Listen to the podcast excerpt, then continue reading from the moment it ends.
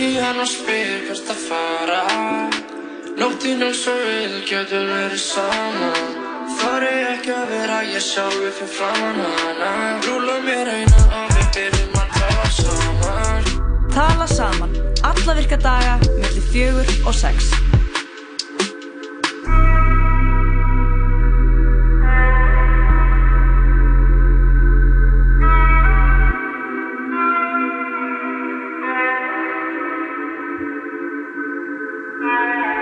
Er að tala saman á þessum uh, fallega miðugudegi. Jú, jú, það er miðugudagur í dag og við erum hér til þess að fylgja þér í gegnum hennan miðugudags eftirmiddag. Já, klukkan er einu, myndu við fjögur og uh, Marg, jú, jú, margir eflaust að leiðinni heim úr skólanum. Já, eða vinnunni, eða í skóla. Eða í vinnu, ef fólk er í kvöldskóla eða kvöldvinnu. Eða síðdegi skóla.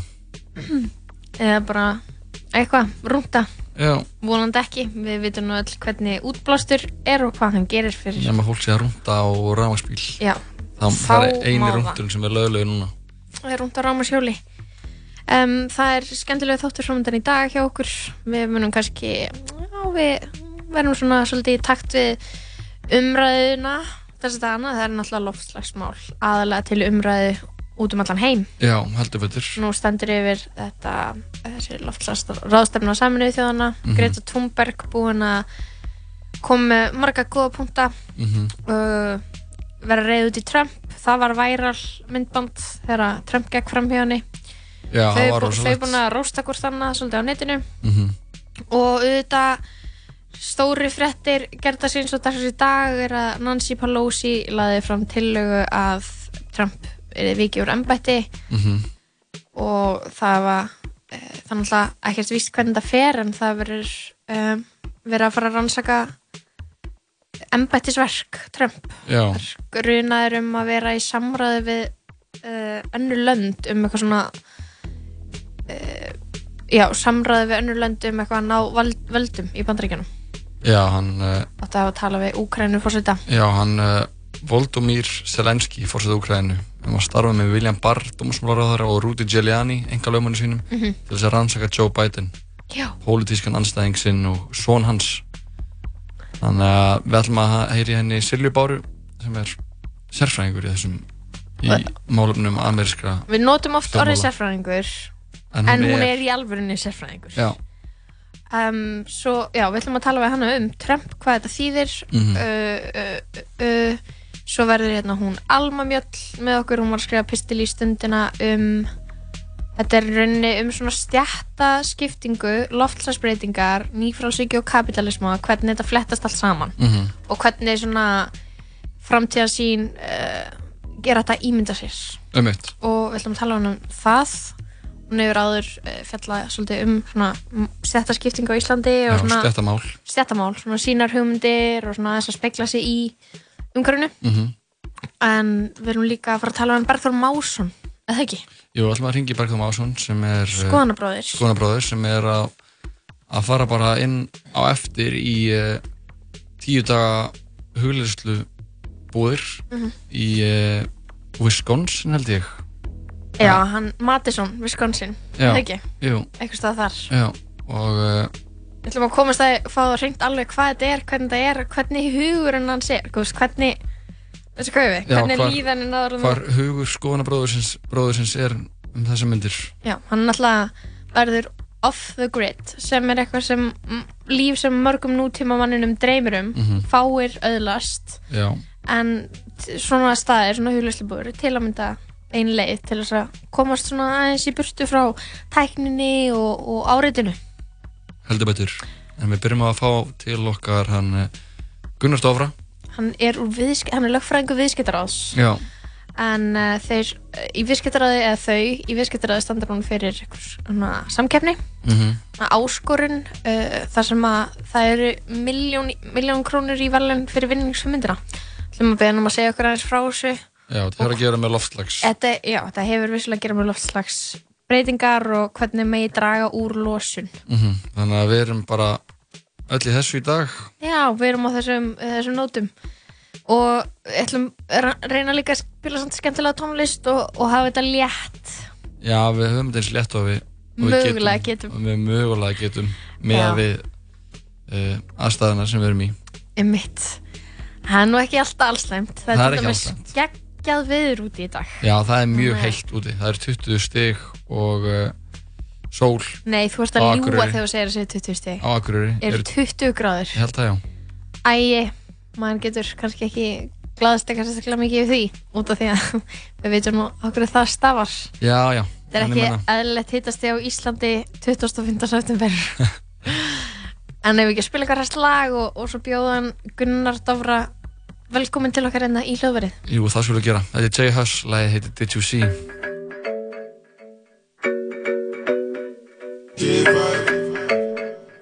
Did you see what? Did you see what I? Yeah, yeah. Did you see what I? Yeah, yeah, yeah, yeah, yeah. Did you see what I done? Came in the black Benz, left in the white one. I'm just a hoodlum, I came in my bones, some niggas wanna try some. Did you see what I done? Came in the black Benz, left in the white one. I'm just a hoodlum, I came with a bun, some niggas wanna try some. Came looking like a ganja farmer. His daddy better hide his daughter. Shake her bunda just like I taught her. Splash her bunda with holy water. Liquor spice for the winter season. Your chicken is a liquor season. Yeah. Did you see what he did? The black Benz turn white and they can't believe it. Make them repeat it. That's some new shit. They've never seen it. You should feel it. Meet and greet it. I'll be a genius if I didn't think with my penis. Get them thinking I'm awesome. Man, them approach with caution. True say we came with a bun, some but true say we came for the bun. That's Some round thing that I can put my paws on. Did you see what I done? Came in a black Benz, left in the white one. I'm just a hoodlum, I came with my bones, some niggas wanna try some. Did you see what I done? Came in a black Benz, left in the white one. I'm just a hoodlum, I came with the bones, some niggas wanna try some. Came smelling like I robbed a nine bar. Looking for the baddest diva. Hold up, let me analyze her. Body looking like a hypnotizer. Come, let me try some, something you can climb on. Oh, you're a shy one, you tryna hide from? Baby, jump in a black ride and put your friend in a white one. I'm a pencil addict. Pulled up in traffic. Me and my friends switch cars and they look like magic. They never seen such a skinny man in a big pucker jacket. That's unfamiliar. Came looking like a bodybuilder. Out there windy and I don't wonder I'm into you now. Don't you wanna see the interior? Did you see what I done? Came in a black Benz, left in the white one. I'm just a hoodlum, I came in my bones, some niggas wanna try some. Did you see what I done? Came in a black Benz, left in the white one. I'm just a hoodlum, I came with a bones, some niggas wanna try some.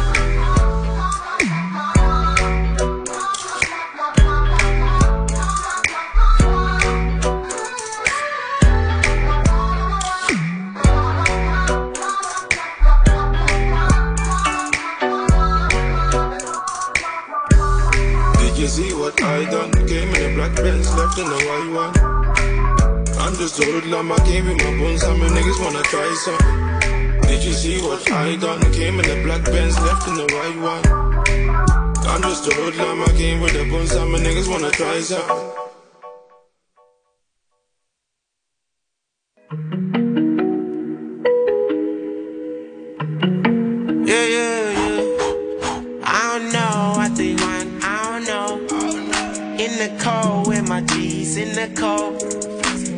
Supplying you the thing in the snow. I think I know what they want. I think I know. Yeah, I could smoke for your whole fucking ends. The low, got the roll in a Benz. Only bros, I got no fucking friends. Cause I don't trust them, no fucking chance. What's a move when I'm juiced so much? In a coupe, getting whooped from your wife. She was yours, but she loose, now she mine. From the roots to the roof. Uh. Take the sky that covered, hit the block, then I flooded. New watch looking flooded, pagans watching all gutted. Look at all this white on my clothes. I ain't got time for them hoes. Looking like it snowed in the kitchen. I spent all night by the stove. Heard these niggas wanna run up on me, you niggas better not roll with nanks. Road rappers talking about yeah, I really got Rolls Royce stamps. Niggas act hard all on the net, but when that gun blast, you better run fast. Got my first check and like Spike Lee, I did the right thing, I gave my mom half. I can uh. smoke for your whole fucking ends. got the world in a Benz. Only bros, I got no fucking friends. Cause I don't trust them, no fucking chance. Bust a move when I'm juiced so much. From your wife. She was yours, but she loose, now she mine.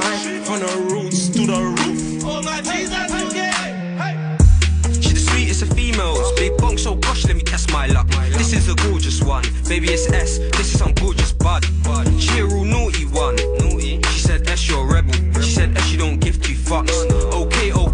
Okay, okay, my love. Now suck me off, let me spark my scud. Day starts off, few dots in the morning. Two long ones get a big boy touch. Touch, touch. I, I think I know what they want. I think I know. I think I know. I bust the amp pack and put it to their nose. I I. don't know what they want, I don't know.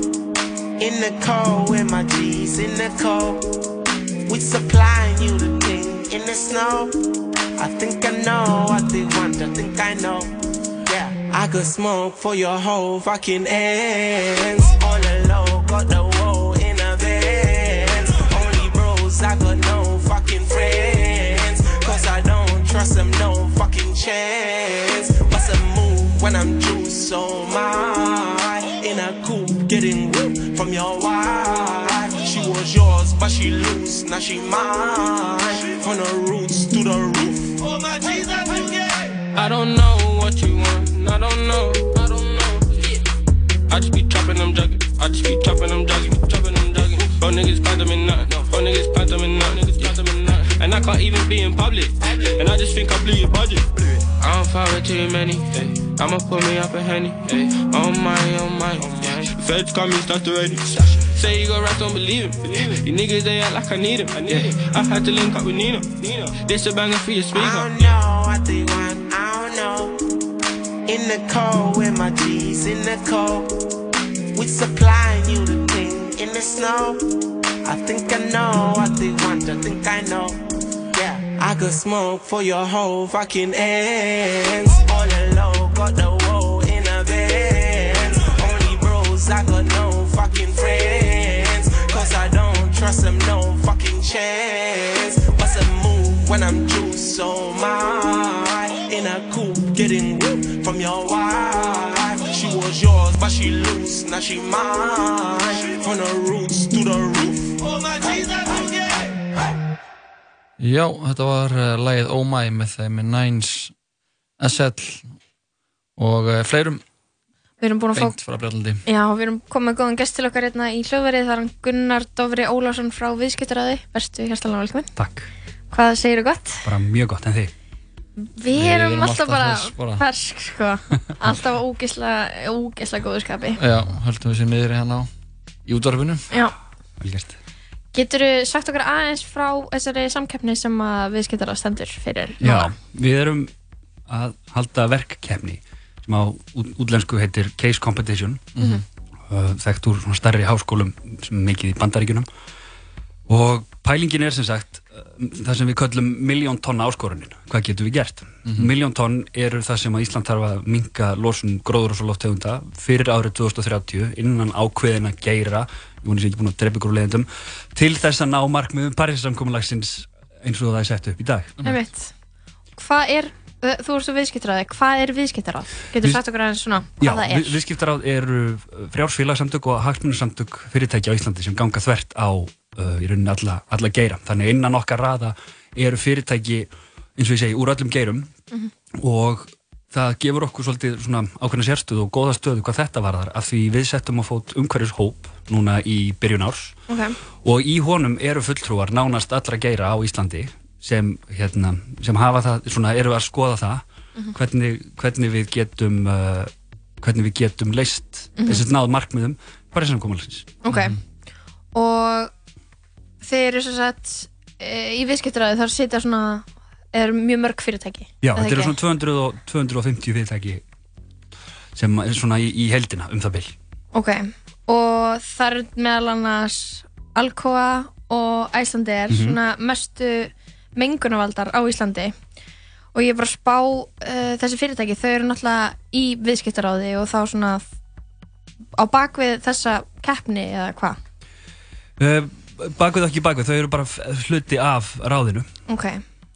Og ég er þá líka bara að spá eð, þarna, hvernig verður það ef þessi fyrirtæki sjálf axli ábyrð og lít sér nær eða þá viðskiptar að sjálft beiti sér fyrir því að þessi fyrirtæki drægi úr mengun, skilur við? Eða Mhm. þarf, hvað er það að spá, hvað er það vonast þess að fá úr þessari verkefni? Sko, vonir okkar standa til að við fáum út úr þessu svona það sem að, það sem að getur kallað stefnumótandi plagg um Ok. það hvernig er hægt að ná þessum markmiðum sem okkur eru sett. Og svona aðeins til að aðeins til að útskýra af því lofslagsmálin eru óþarlega flókin. Ok.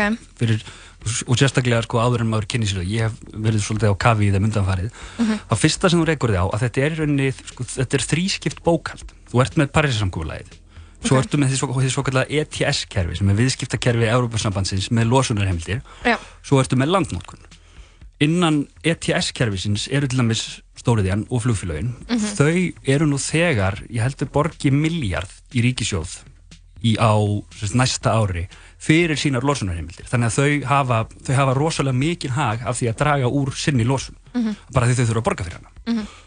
Þau hins vegar eru ekki inn í þessari miljón tonna tölu sem við erum að horfa á. Og sama með hérna með til dæmis Út af því að þau eru í ETC-kerfinu en ekki... ETS-kerfinu en ekki París. Já, ekki, ok. París eru, eru sko, aðalega til dæmis vegasamgöngur, fiskiskip, landbúnaður metanblástur frá, hérna, frá urðun og svo leiðis og á, á, á þessum sviðum þurfum við að ná samdrætti um miljón þannig að jafnvel þótt að við næðum sko þrefalt meiri árangri eða tvöfalt meiri árangri á hinum sviðunum Mhm. þá þurfum við samt að ná þessu. Og erum, það eru alþjóðlega skuldbindingar sem að binda okkur til að gera það. Og við sjáum bara, við höfum 11 ár til stefnu stefnumótunin fer hægt af stað að Já. okkar mati, það kom út aðgerða áætlun hérna ríkistjórnarinnar fyrir svona ári.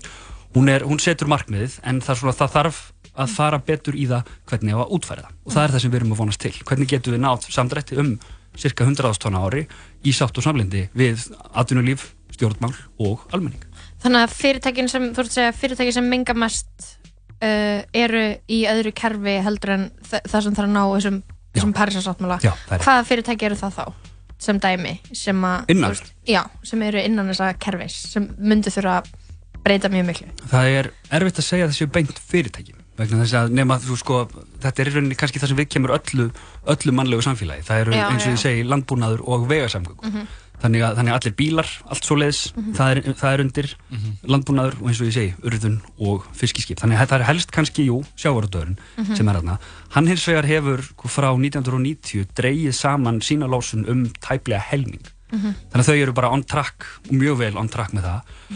Og, og þar kemur líka komur svona, svona samverkandi þættir eins og það að þau, þau hafa vissulega metnað í það að draga úr losun en það sem fylgir því að draga úr losun er það að þú nota minni olju og olja er mjög dýr. Þannig að það er bara, það er mjög, mjög mikill fjárhagslegur kvati Mhm. fyrir fyrirtækin til þess að draga úr losun. Og sérðu þið fyrir þér uh, að það sé ávinningur fyrirtækja og, þú veist, og, og kapitalismi virkja áfram í, í, í eitthvað svona að fylgja þessum markmiðum, skilur við, að græða báðir aðilar, markaðurinn og þú veist, jörðin og almenningur. Ég held það já. Og það er svona svolítið það sem, að, það sem við leggjum upp með. Við, Mhm. við, við sjáum ekki fyrir okkur að það verði, það verði hérna, umturnun á samfélaginu á næstu tíu árum. Þannig að við förum frá, frá því kerfi sem hefur fært okkur þá velsælt sem við höfum í dag. Uh, vandin er hins vegar og, og það, er, það er svona eitthvað sem, sem verður að ávarpa. Við, það, það er alltaf að tala um endalösun hagvöxt og, og, og slíkt. Mhm. hagvöxtur hefur kannski einhverju leiti verið ósjálfbær Mhm. við þurfum að fara úr því að vera með ósjálfbæran hagvöxt yfir í að vera með sjálfbæran hagvöxt. Mhm. og það er bara, það er mjög margþættur ávinningur sem að fæst með því. Ég, sko, veit ekki hvað sjálfbær hagustur er. Uh, sko, það, það er svona nú, nú, nú, nú byrði alltaf hag- hagfræðinga að halda fyrir eiruna því ég er ekki hagfræðingur. Uh, sko, þú getur kannski, kannski horta á þetta þannig að við, við höfum ekki verðlagt koltvísýring rétt Nei, við höfum fengið að, fengið að setja hann út í andrúrsloftið Já. frítt í rauninni. Það, er, það gengur ekki lengur. Nei, ég meitt, með það líka fyrir. Já, og við þurfum einhvern veginn að sammælast um það hvernig við eigum að hætta að að setja svona mikið út í, út í hérna, andrúrsloft Mhm.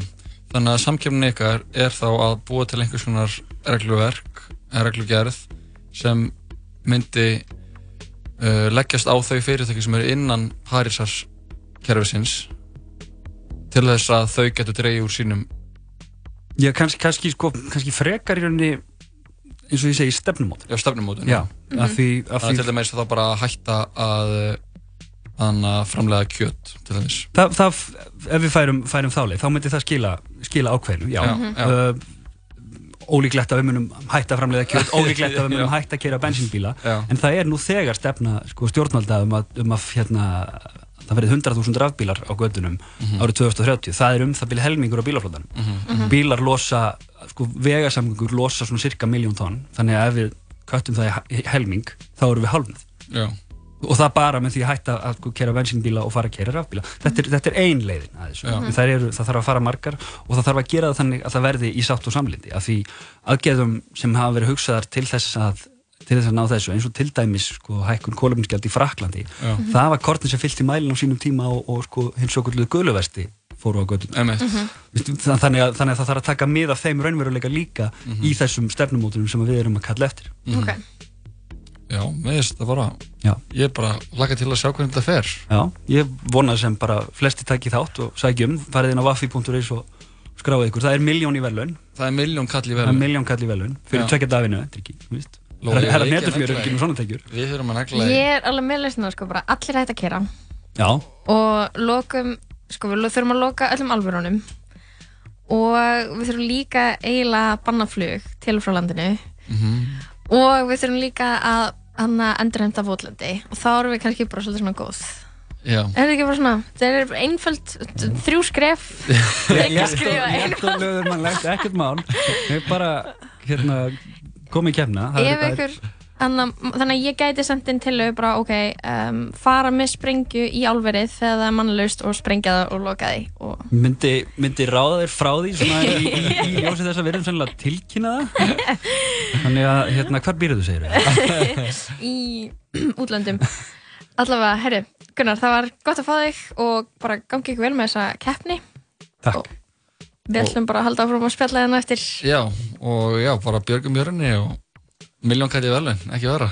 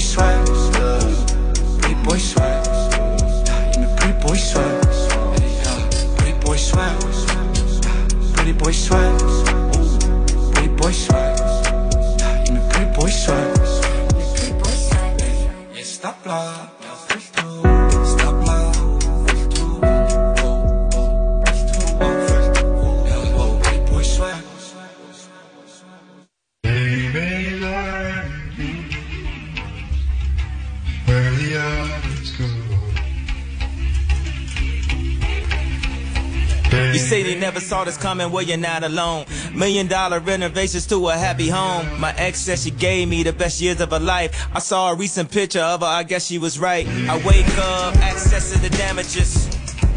Checking media takeout. Pictures of me drunk walking out with a bitch. But it's blurry enough to get the fake out. I wake up, all veggies, no eggs. I hit the gym, all chest, no legs. Yeah. Then I make myself a smoothie. Yeah. Then me and wifey make a movie. Chicago, St. Louis, St. Louis to Chicago. Underlay, underlay, EI, EI. Uh oh, you had me driving far enough to switch the time zone. You was the best of all time at the time, though. Yeah. You wasn't mine, though. But I still drove 30 hours.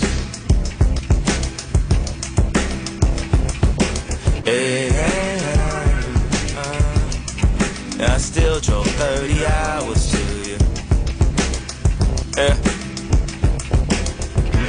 remember rapping for Jay and Cam.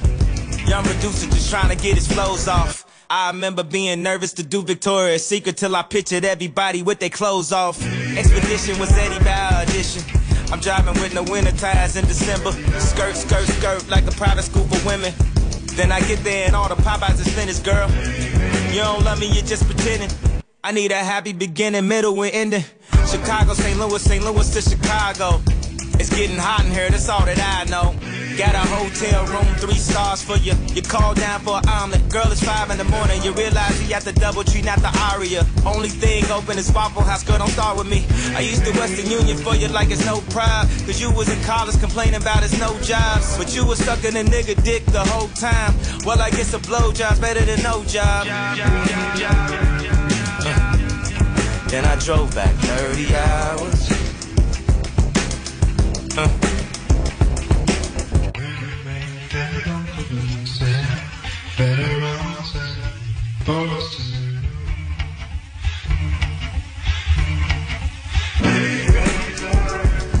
can you help me out? 30 hours. Yeah. This type of shit you just ride out to. Uh. Yeah. 30 hours. Uh. Yeah. Uh. Yeah. Uh. Yeah. 30 hours. I just be like, it was my idea to have an open relationship. Now, nigga, man, I'm about to drive 90 miles like Mark Burns to kill. Just to kill, just to, just to, I'm about to drive 90, 90 miles like Matt Barnes just to whoop a nigga ass. It was my idea, and now, nigga, now, nigga, man, now, nigga, uh, it's son of, whoop him after school just to show him got class. The, on the, on the, with the, yeah, you know what I'm saying? Uh, drop some shit like that. Hey, hey, hey, hey, hey. Uh. Whoop him after school just to, whoop him after school just to show I got class. Uh, uh, uh. Three stacks. 30 hours. Right after that. Uh. Check it out, this the bonus track, this the bonus. 30 hours. Remember, my favorite albums just have like bonus joints like this. That's why they kick it off like this. Yeah. Just did that Madison Square Garden. 30 hours. Had to put the flies, nigga, on this shit. hey, hey. The pyramid shall rise. 30 hours. Kanye West, lagi 30 Hours af uh, plötunni The Life of Pablo. Við vorum að Gun Gunnar uh, Dóra frá Viðskiptaráði. Já, vorum hérna að ræða um þessa verkefni sem að standur til hjá þeim Mm og vorum að tala um hvað uh, við getum gert. Við þurfum að hætta, uh, við þurfum að minka losunum miljón tonn og svo bara segir hann okkur hérna að það þessi, hvað, einn bíl sem er þrjú, Eitt bíl er þrjú... þrjár miljónir, nei, Þrjár miljónir ári. Nei, þrjú tonn á ári, Þrjú sorry, ári, já. vá, við erum ekki alveg milljónir. sorry. Þetta er svo að í heldina til þess að ná þessu pari samkónulegi þá þurfum við að minka losunum miljón tonn Aha. og einn bíl er þrjú tonn. á ári. Þú veist, það þarf ekkert að hætta, þú veist, það þarf ekkert að hætta eitthvað að keira eitthvað rosalega marga bíla, en skilur við. Nei, mitt. Þú eru að hætta að kæra lóða. Ég, ég keira aldrei, sko, en ég er samt oft keirð Já, þú ert keyrð. Þannig að ég er samsegg sko Þú ert líka útkeirð. Ég er útkeirð og ég er alltaf að fljúa Já. En já, áhugaverst með þetta ETS-kerfi að, að flugfélagin og, og álfyrirtækin séu inn í inn í einhverjum öðrum útreikningum Já, ég vissi það ekki. Það kom mér algjörlega óvart, sko. Mhm. Þannig að, og þá, þú veist, fara þau sem sagt eftir einhverjum reglum sem að Evrópusambandi setur og Mhm. þurfa að borga ótrúlega háa skatta Mhm. af losuninu sinni það er fínt að þau gerir það. já, það er mjög gott Pældi ef að það verið bara settur kólum skattur á þig bara hver skipt sem þú myndir bara pulsu eða hver skipt sem þú settist inn í bíl Mhm. ámyndir þeirra að þú veist að milli fara á ríkisjóð bara eitthvað 30 skall Já. bara að ég, hérna, ég maður langar svo að keira í borganes og þú bara eitthvað getur ekki keirt þangað nema og borgi bara þú veist 70.000 70 miljónir. 70 miljónir í kólumni skatt það er drauma uh, veruleiki minn Það er það. Herru, að segja hérna skemmtilega frétt. uh, já Barbie dúkkuframlegandinn Mattel hefur kynnt til uh, leiks sölu á kynhlutlausum dúkkum sem framlegendur segja að munu ekki að börnum kleift að tjá sig frjál, frjálslega innan gæsalapa. Mhm. Með dí- nýju dúkkulínunni sem er kallið sköpunarheimur á ennsku crea uh, Creatable World fylgja nokkri möguleikar til að klæða dúkkuna, fylgja hlutur og hálgreislur. Þannig geta börnin klætt og móta dúkkunar með stuttu eða sjöu hári klættir í pils, buksur eða apel bæði. Talsmenn Mattel segast hafa unnið náð með sérfræðingum, fóröldurum, heilbrið starfsfólki og ekki síst börnum til að skapa sex, eða þau sex dúkkusett sem koma nú á markaðinn. Mhm. Með hverju setti fylgir ein dúkka, tvei möguleikar að hálgreyslu og endalega möguleikar á að stílfara dúkkuna.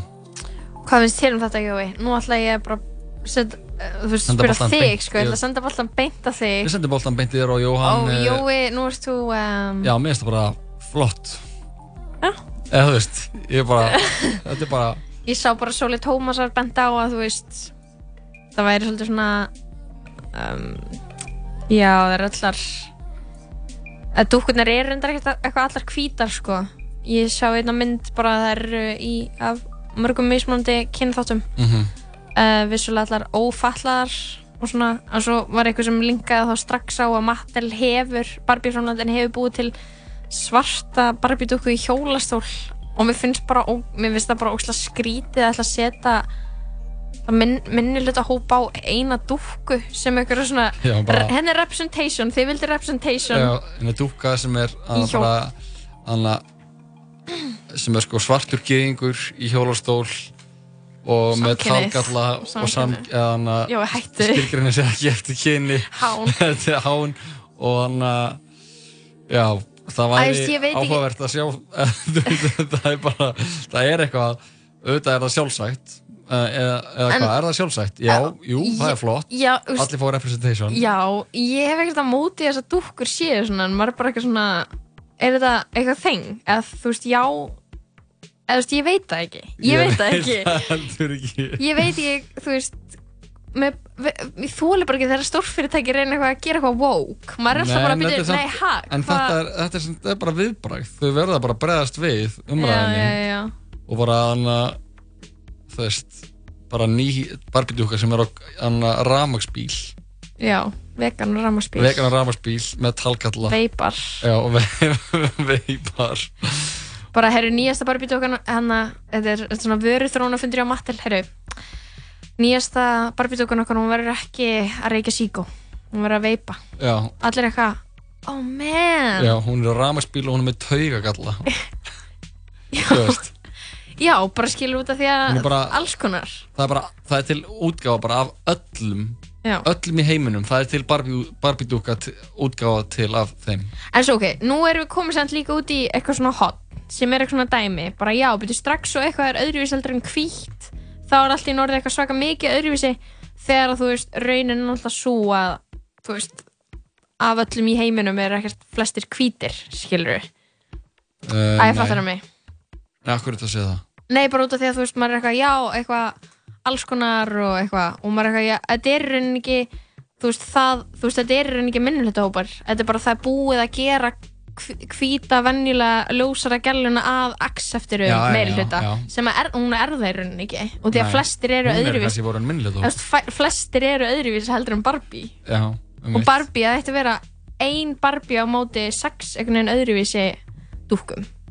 Og kannski ættum við bara að taka kannski það sem, að, það sem væri mest woke Mhm. af Mattel að gera sem er fyrirtæki sem framleiði Barbie taka bara alla hvítu og ljósari Barbieðnar út og setjast það bara eitthvað öðruvísi dúkkur. Já, bara geða marga kingverskar. Bara öðruvísi dúkkur. Bara annað látlausar sem eru með svona grímu svona fyrir eituröfnunum. Fyrir eituröfnum af hverju ekki? og ég er ekki að djóka. Jói. Þú, þú voru að passa þig. Verð ég að passa mig? Ákverju ég veit það ekki, nefna ég ekki eitthvað óveðandi nefna þetta er allt í þannig að við erum bara að spauga hérna með þetta. Mér finnst alltaf lægi að þessi komin svona kynlaus dúkka veistu hvað, mér finnst þetta í alvörunni skarra heldur en halda áfram að gera hitt. Mér finnst það bara fínt. Já, já, menn þess að flott líka sko. sérstaklega ef hún er líka þú veist, alls konar. Þú veist, það er ekki bara en það er, ekki, það er náttúrulega lengi búið að vera þannig að það sé ekki bara eitthvað að hvíta barbið okkur. Nei, það er alveg búið að vera þannig lengi. Já.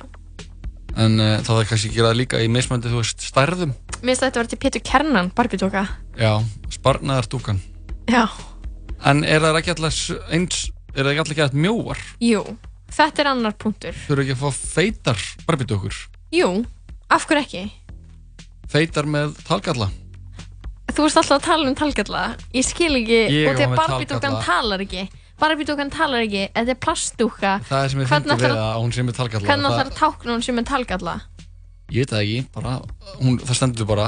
Ok, ég vil Barbie dúkka með aðtiklisbrest Hún er alltaf, það er alltaf einn random hlutur sem að fylgir ekki með. Já, Barbie-inu Já. Bara eitthvað, að ég með með aðtiklisbrest Hún er með síma en ekki veski. Eitthvað, Ég með með aðtiklisbrest Hún fær Barbie hús en hún er ekki með likla á húsinu Ég get aldrei farið inn í það. mistöldum sokkum. Já, og uh, hún er með gleru en það vantar í hún er með alveglega kvíðaröskun. Þannig að hún vill aldrei gera neitt. Ó, mamma, mér langar svo að leika með dúkkuna mína En hún er með kvíðaröskun Þannig að hún vill bara liggja í rúmun og gráta. Þetta væri eitthvað væri til í Við að eigum að þróa representation já, Barbie-dúkunar bara ve- hana venjulegu dúkunar Ég vil sé hana Bratz-dúkunar og Barbie-dúkunar að vera búið til meira bíf á milli þeirra þær Mm. mm. einhvern veginn interakti á leikfungamarkaði er bratt svona eins og áhrifalda Já, þannig að strax og þú veist Barbie er orðnar eitthvað svona meira woke og svona, þú veist, gender neutral og með aðtilsprest og kvíðaröskun Mhm.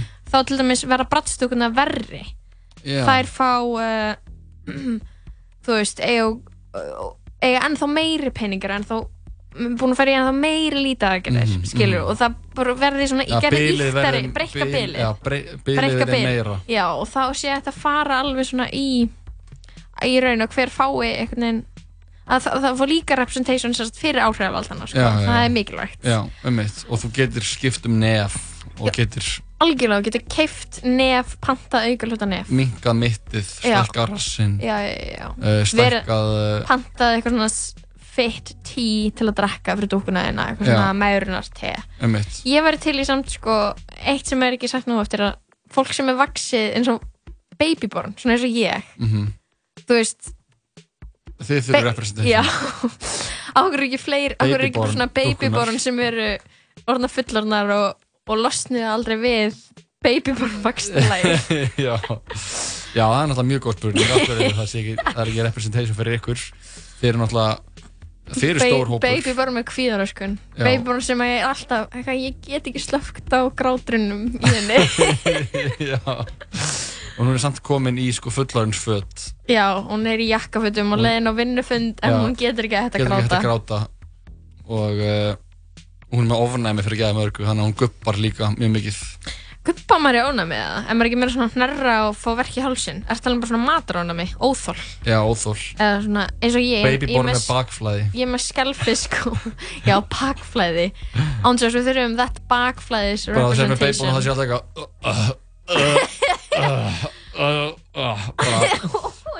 babyborn með bakflæði Öll börn eru náttúrulega sem ég með bakflæði á okkur tímbútið ekki Þau eru alltaf að guppa hana brjóstamölkinni ég var aldrei með bakflæði. Er sem mér að þú hafi sem bara ekki einu sinni guppa brjóstamölk með alltaf því að ég var látið svona látið svona, svona aukslina svona og klappa á bakið að mér Já. og leiðum mannum að rópa þá kom bara eitt svona heyrði bara rétt svo svona já. Og ég guppaði aldrei sem barn. Varst að segja þetta satt? Ég segja satt. Ok, það er það gott. þarf representation fyrir börnum og mig líka. Börn sem rópa ekki. Börn sem rópa Það verður ekki. að fá babyborn sem er ekki með baklæði já, og babyborn, nei, barbidúkkur sem eru alltaf brosandi en aldrei glaðar. Við fáum hérna að spila með lag og uh, komum tilbaka. Þá eru vondi hún Silja Bára komin á línuna til okkar. Við ætlum að heyri henni varandi stöðuna sem er komin upp hér í bandarækjunum sem er rosaleg. Já, þetta er spennandi. Ég er að krossleggja fingur að Trump verði ekki mikil lengur fósiti já, þú að gera það. Guð, það verður geðveikt. Já, Þetta er ekki sammála? jú, jú, Mér myndi, ég myndi fyllast von ef að Trump er vikið úr starfi. Að það? Já, ég væri bara, ok, geðveikt. Var bara eitthvað, það er eitthvað fall til í þessum heimi. Já, ég væri bara í alvegni, ok, þú veist, hann er bara, hann er bara sá, þú veist, ha- hann er bara búin að vera í bandaríkjanum að gera hlutina verri í umhverfismálum, sko. já, já, þú veist, búin að vera eitthvað að opna, þú veist, bara, uh, já, draga aftur eitthvað svona löggjafur sem settur á fyrirtæki sem er að draga úr losun og eitthvað. Mhm. Búin að vera bara íta okkur hraðar í áttuna á eitthvað skellulegan stað og bandaríkjan náttúrulega menga mest í heiminum, þannig að mikilvægast einhvern veginn að bisla þau, sko, halda heim niðri. já, við fáum svöru þessu eftir Já. öskamasend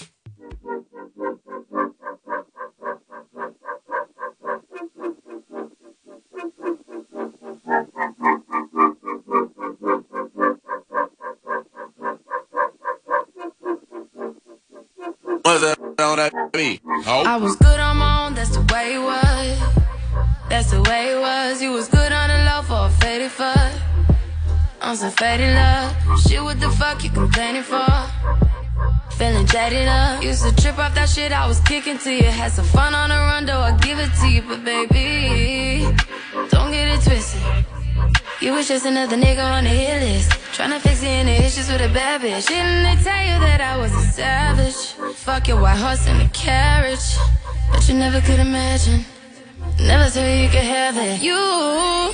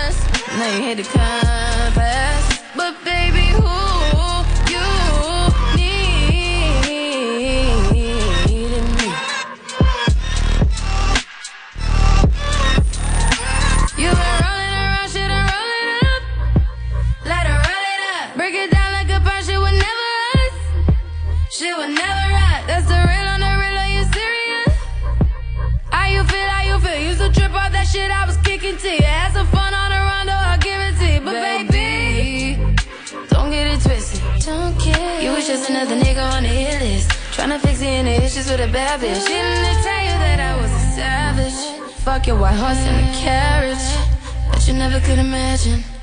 Never thought you could have it. You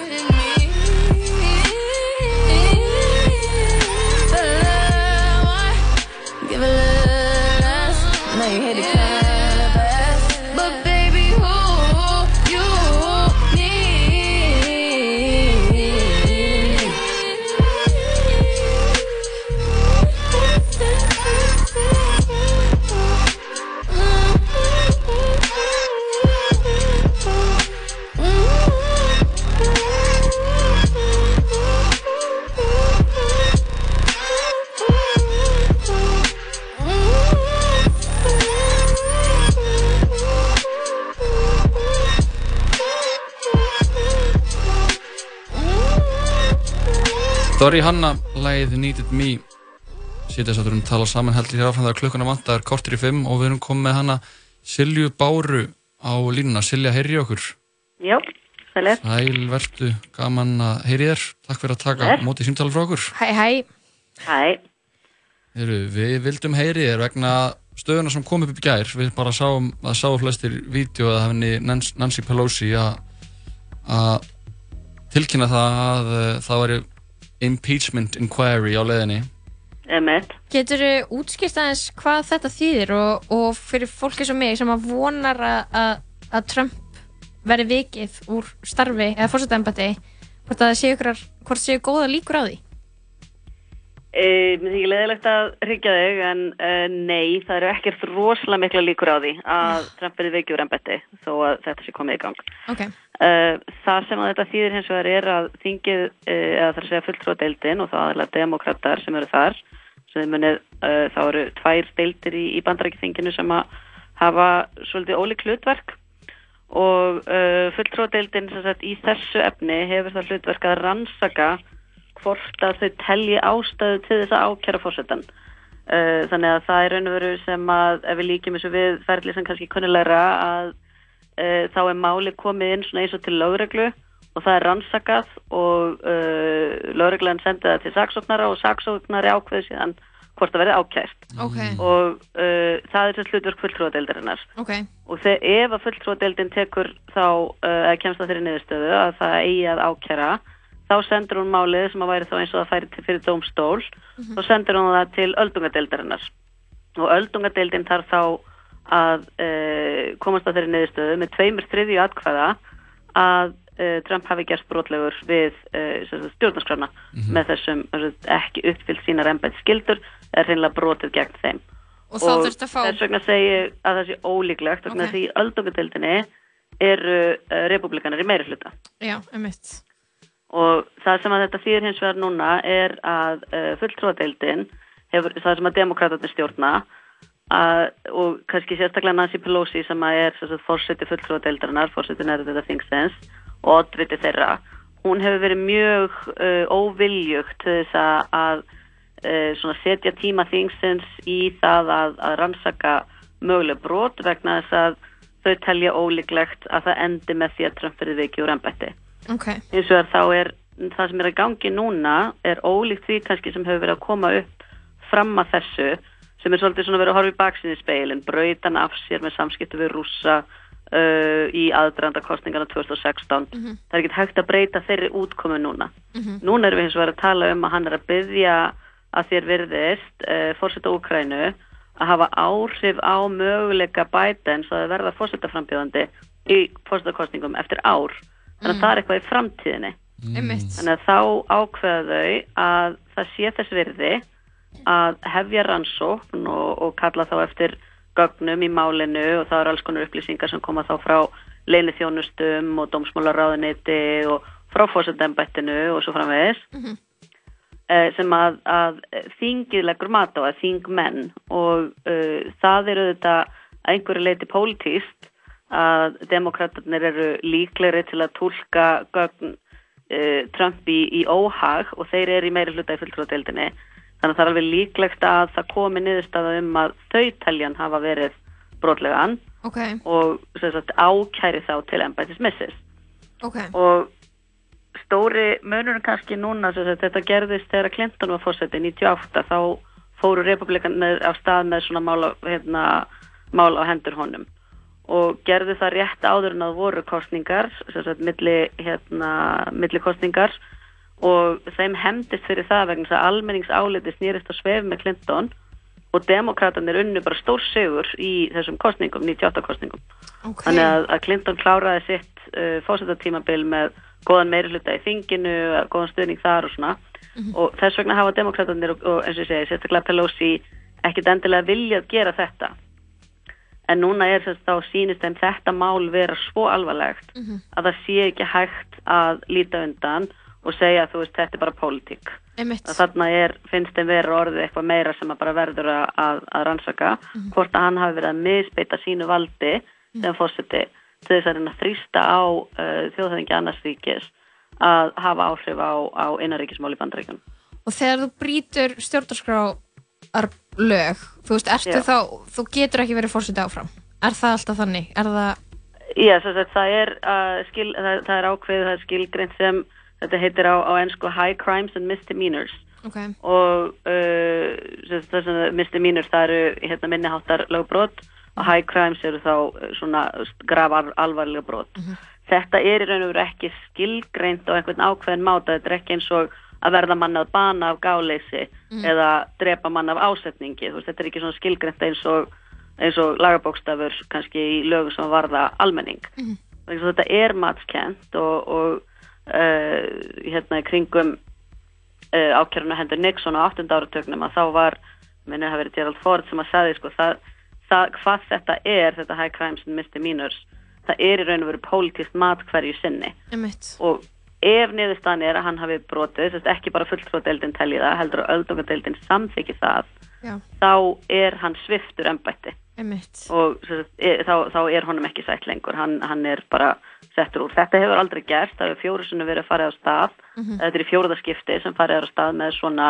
mál í, í sögu bandaríkjana, þannig að þau sjá að þetta er ekki algengt. Nei. En hérna einu sinni var á 19. öldinni og svo tvisvar á 20. öldinni og svo fyrsta skipti núna á, á þessari öld. Mhm. Og í ekkert skipti hefur fórseta verið vikið. Einmitt. Tvisvar sinnum að þá sagt, ákærir fulltrúadeildin, uh, öldungadeildin síknar og í eitt skipti í, hjá, í tilvikinu hjá Nixon að þá segir hann af sér áður en að, að fulltrúadeildin Mhm. var endalega búin að, að kjósa. Þess að þau voru búin að leggja fram ákjöruna þátt eftir að kjósa um hana það þótti augljóst að það er þið ákært Mhm. og Og hann þá raun og veru sögðu republikanir við Nixon að bara við stöndum ekki með þér lengur þú Mhm. ert að fara að tapa En það er ekkert eitthvað sem geti gerst í máli Trump. ekki eins og staðan er núna það eru sem sagt uh, þeir fulltrúar uh, í öldungadeildinni sem hafa verið gaggrinir á hann fram að þessu hafa verið að verða koma að segja auðsveipari honum núna upp á síkastið uh, vegna þess að það er að stýttast í kostningar og, og það uh, virðist vera sem svo að, að þeir frambjóðendur sem að Trump stiður að þeim gengur betur. Þannig að, að uh, þessi þingmenn eru að hugsa um sérst, eigin hag að þeir nái kjöri áfram.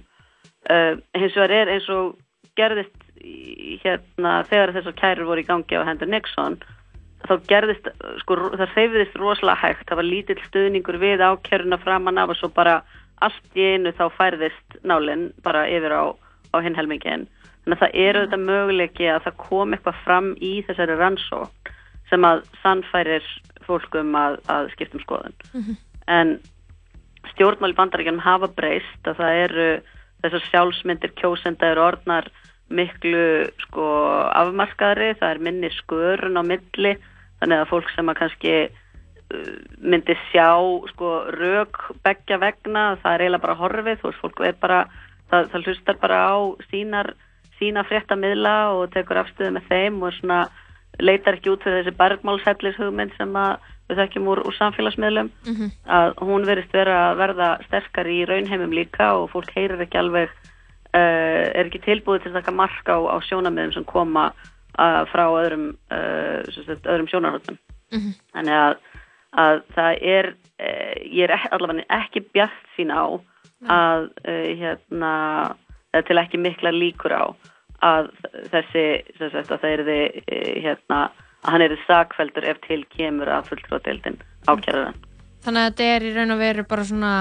kannski, eða þú veist, hver, hver eru þá raunverulega áhrif þessara ákjæru? Eitthvað sem er svona statement bara. Já, Já, þetta er ekki bara yfirlýsing sko, heldur er það að, sagt, að með því að gera það sýnilegt að Trump sé að eiga samskipti við Erlend ríki, önnur ríki um, uh, um, um kostningaferlið að þá eru, eru demokraterni í fulltróðdeildinni að, að reyna að varpa ljósi á það að, að þarna er eitthvað, eitthvað rótið í gangi. Einmitt. og að þá er kannski hægt að vera með sterkara eftirlit í aðdraðanda kostningana að þeir eru að reyna að vei, vei, sagt, skapa aðhald sem ekki var til staðar í að, aðdraðanda kostningana 2016 þrátt fyrir að Trump hafi þá til dæmis svona eh, sagt ofinbellega hérna Rúsland ef þeir eru með þessa tölvupósta þá megið endilega byrta þá. Og hérna þú veist að fólk svona hérst kannski að þetta væri eiginlega bara grín að það gæti ekki verið að, að maðurinn meinti að hann væri eiga samskipti við, við rúsa og svona. Uh, en þess að ég segi, þær kostningar eru tapaðar og, og umræðan hefur svolítið mikið verið að, að fara uh, í einhvern veginn að reyna að, að réttlæta það. Þannig að núna eru þau að reyna að segja sko, við, við viljum tryggja það að þetta gerist ekki aftur og við erum að horfa fram í tíman ok. þannig að þetta er ekki bara, þú veist að miklu leitu þetta er þetta yfirlýsing að við teljum þetta vera mjög alvarlegt Mhm. en, uh, en líka þá er þetta að við viljum grípa inn í þetta ferli áður en það er byrjað að, að hafa hérna ríkslökskandi áhrif og, og uh, hafa áhrif á það hvernig fólk uh, mótar sína uh, hérna kostningahæðan. Akkurat. Herru, takk fyrir spjalli Silja bara Ómarsdóttir, dósent í stjórnmálafræði. Það var gott að fá svo útskýringu. Við ætlum að, Takk fyrir. að hafa það gott, við ætlum að hlusta lag og koma aftur hérna í tala saman eftir örskama stund. Eftir öskum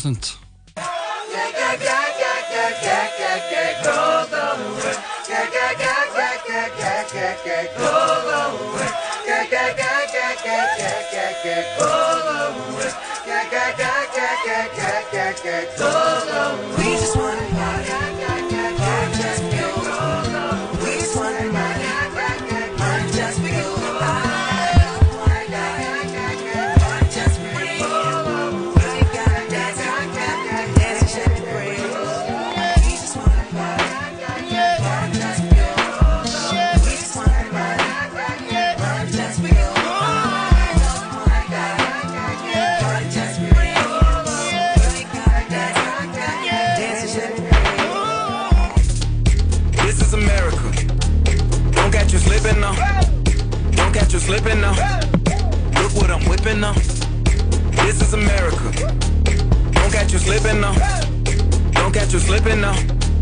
Look what I'm whipping now. This is America. Don't catch you slipping now. Look how I'm living now. Police be tripping now. Yeah, this is America. Guns in my area. I got the strap. I gotta carry 'em. Yeah, yeah, I'ma go into this. Yeah, yeah, this is gorilla. Yeah, yeah, I'ma go get the bag. Yeah, yeah, or I'ma get the pad. Yeah, yeah, I'm so cold like yeah. Yeah, I'm so dull like yeah. Woo. We gon' blow like yeah.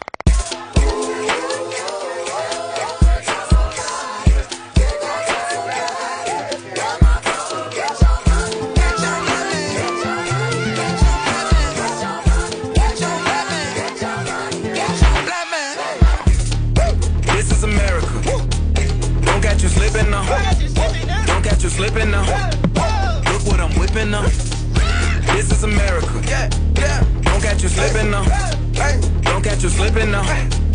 Look what I'm whipping now. Look how I'm kicking now. I'm so pretty. I'm on Gucci. I'm so pretty. I'm gonna get it. Watch me move. This is Sally. That's a tool. Yeah. On my Kodak. Get it. Hundred bands, hundred bands, hundred bands. Contraband, contraband, contraband. Contraband. I got the plug on who a hawker. Whoa. They gonna find you like Baka. Blow. America. I just checked my follow and listen. You motherfuckers owe me.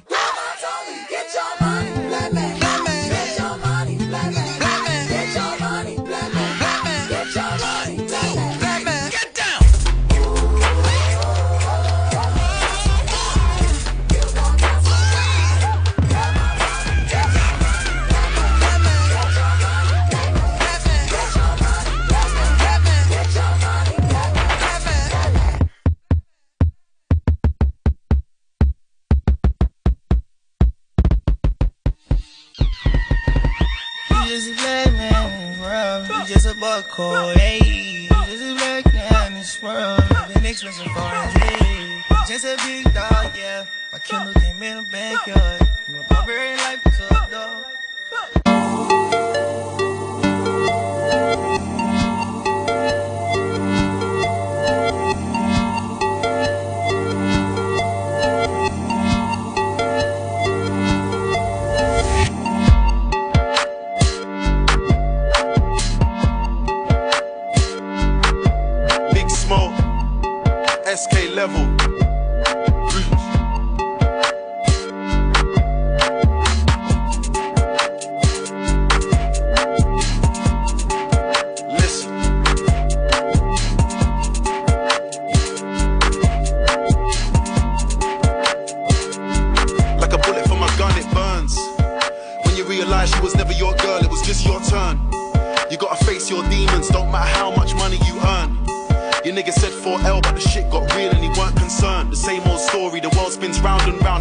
Lessons have to get learned.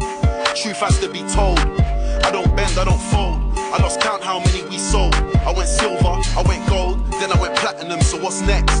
Supermodels trying to sex, sending nudes on a text. Can't believe I used to be vexed. See, it's too easy to write a sad song about how my dad raised me, cause I'm looking in the mirror and my dad made me a real top boy. I just can't play the victim. Been living my life as a kingpin. I'm calm with the heat in the kitchen. I was a young boy, mum told me what my name really means, and the power just kicked in. I found my way home, then I saw my granddad's name on a gravestone, the same as mine. Already dead, nothing to fear, I've been here from time. Chief SK sipping on palm wine. Every day I laugh at these niggas online. Another one here today, gone tomorrow. Dick riding for some likes and a follow. Put in the work, that's all you need to bust. Shout out Lancey, Hetty, and Jay Huss. Shout 6-7, oh, you see them with us. We was on tour, bare weed on a bus. Feds outside the bus, gotta push to the next city, gotta rush. Big plans getting discussed, so freedom is a must. Fuck the police, tell them eat my dust. Cause still it ain't safe, not even in a world full of cops. I got bored of asking when is this hurt gonna stop. We don't wanna conversate or confer with the ops, it is what it is. Recently I've been learning a lot. All I know is there's no better feeling than getting home and seeing my little girl in cot. So this year we're done talking, forget the bag of chat, it's just action. Man, I'm trolling to get a reaction. Every day it's another distraction. Gotta fight temptation, can't get lost in the source. Have I got a heart? Yeah, Of course, but I had to put my feelings on pause. Cause like a bullet from a gun, it burns. You realize she was never your girl, it was just your turn. You gotta face your demons, don't matter how much money you earn. Your nigga said 4L, but the shit got real and he weren't concerned. The same old story, the world spins round and round, fam. Lessons have to get learned.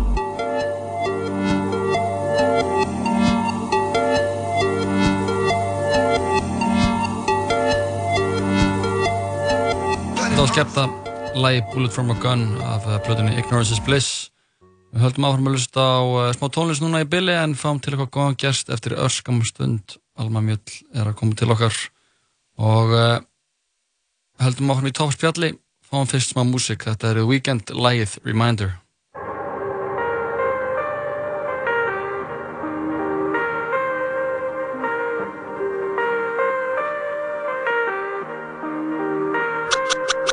Reckon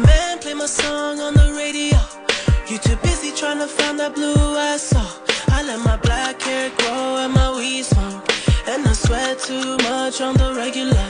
We gon' let them hits fly, we gon' let it go. If it ain't next, so then it gotta go. I just won a new award for a kid show. Talking about a face, coming off a bag of blow. I'm like, goddamn bitch, I am not a teen choice. Goddamn bitch, I am not a bleach boy.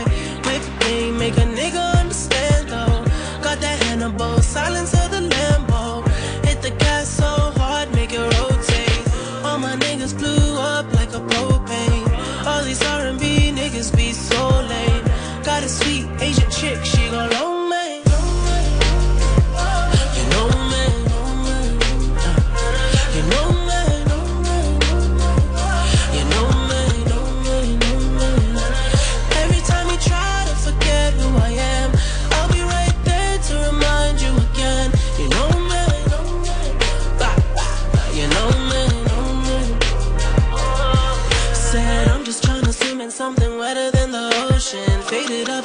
cup, I'm mixing up the potion. All I wanna do is make that money and make dope shit. It just seem like niggas tryna sound like all my ocean. Everybody knows it, all these niggas me. Platinum off a mixtape, sipping on that codeine. Pour it in my trophies, rolling to my nosebleed. I'ma keep on singing while I'm burning up that OG.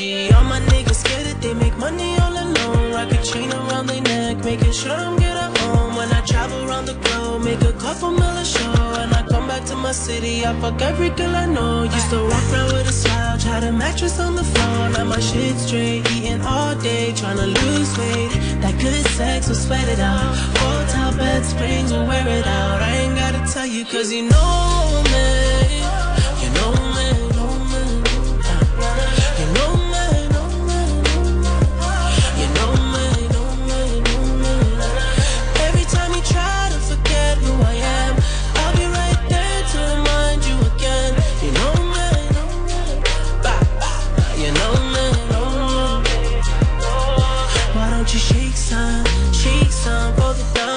Break none, break none, baby girl, won't you work some,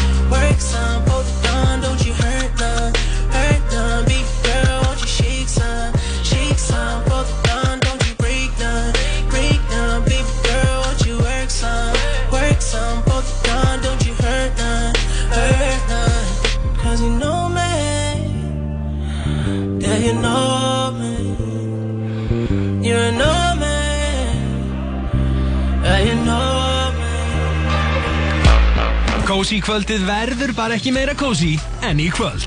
Því nú er megavika og þá eru allar matseðilspizzur á 1590 ef þú sækir. Dominos. Útvarp 101 Á lista yfir 50 bestu myndir ársins að mati Evrósku kvikmyndaakademíunar. Hvítur hvítur dagur. Komin í bíó. Hamburgerabúla Tómasar, sam og seinast. Hamburgerabúla Tómasar. Núðlur, núðlur. Kíktu í núðlur. Nings. Here I come Anybody order fried sauerkraut? Nýjunda kvikmynd Quentin Tarantino Leonardo DiCaprio I'm Rick Dalton Brad Pitt Here comes trouble Charlie's gonna dig you.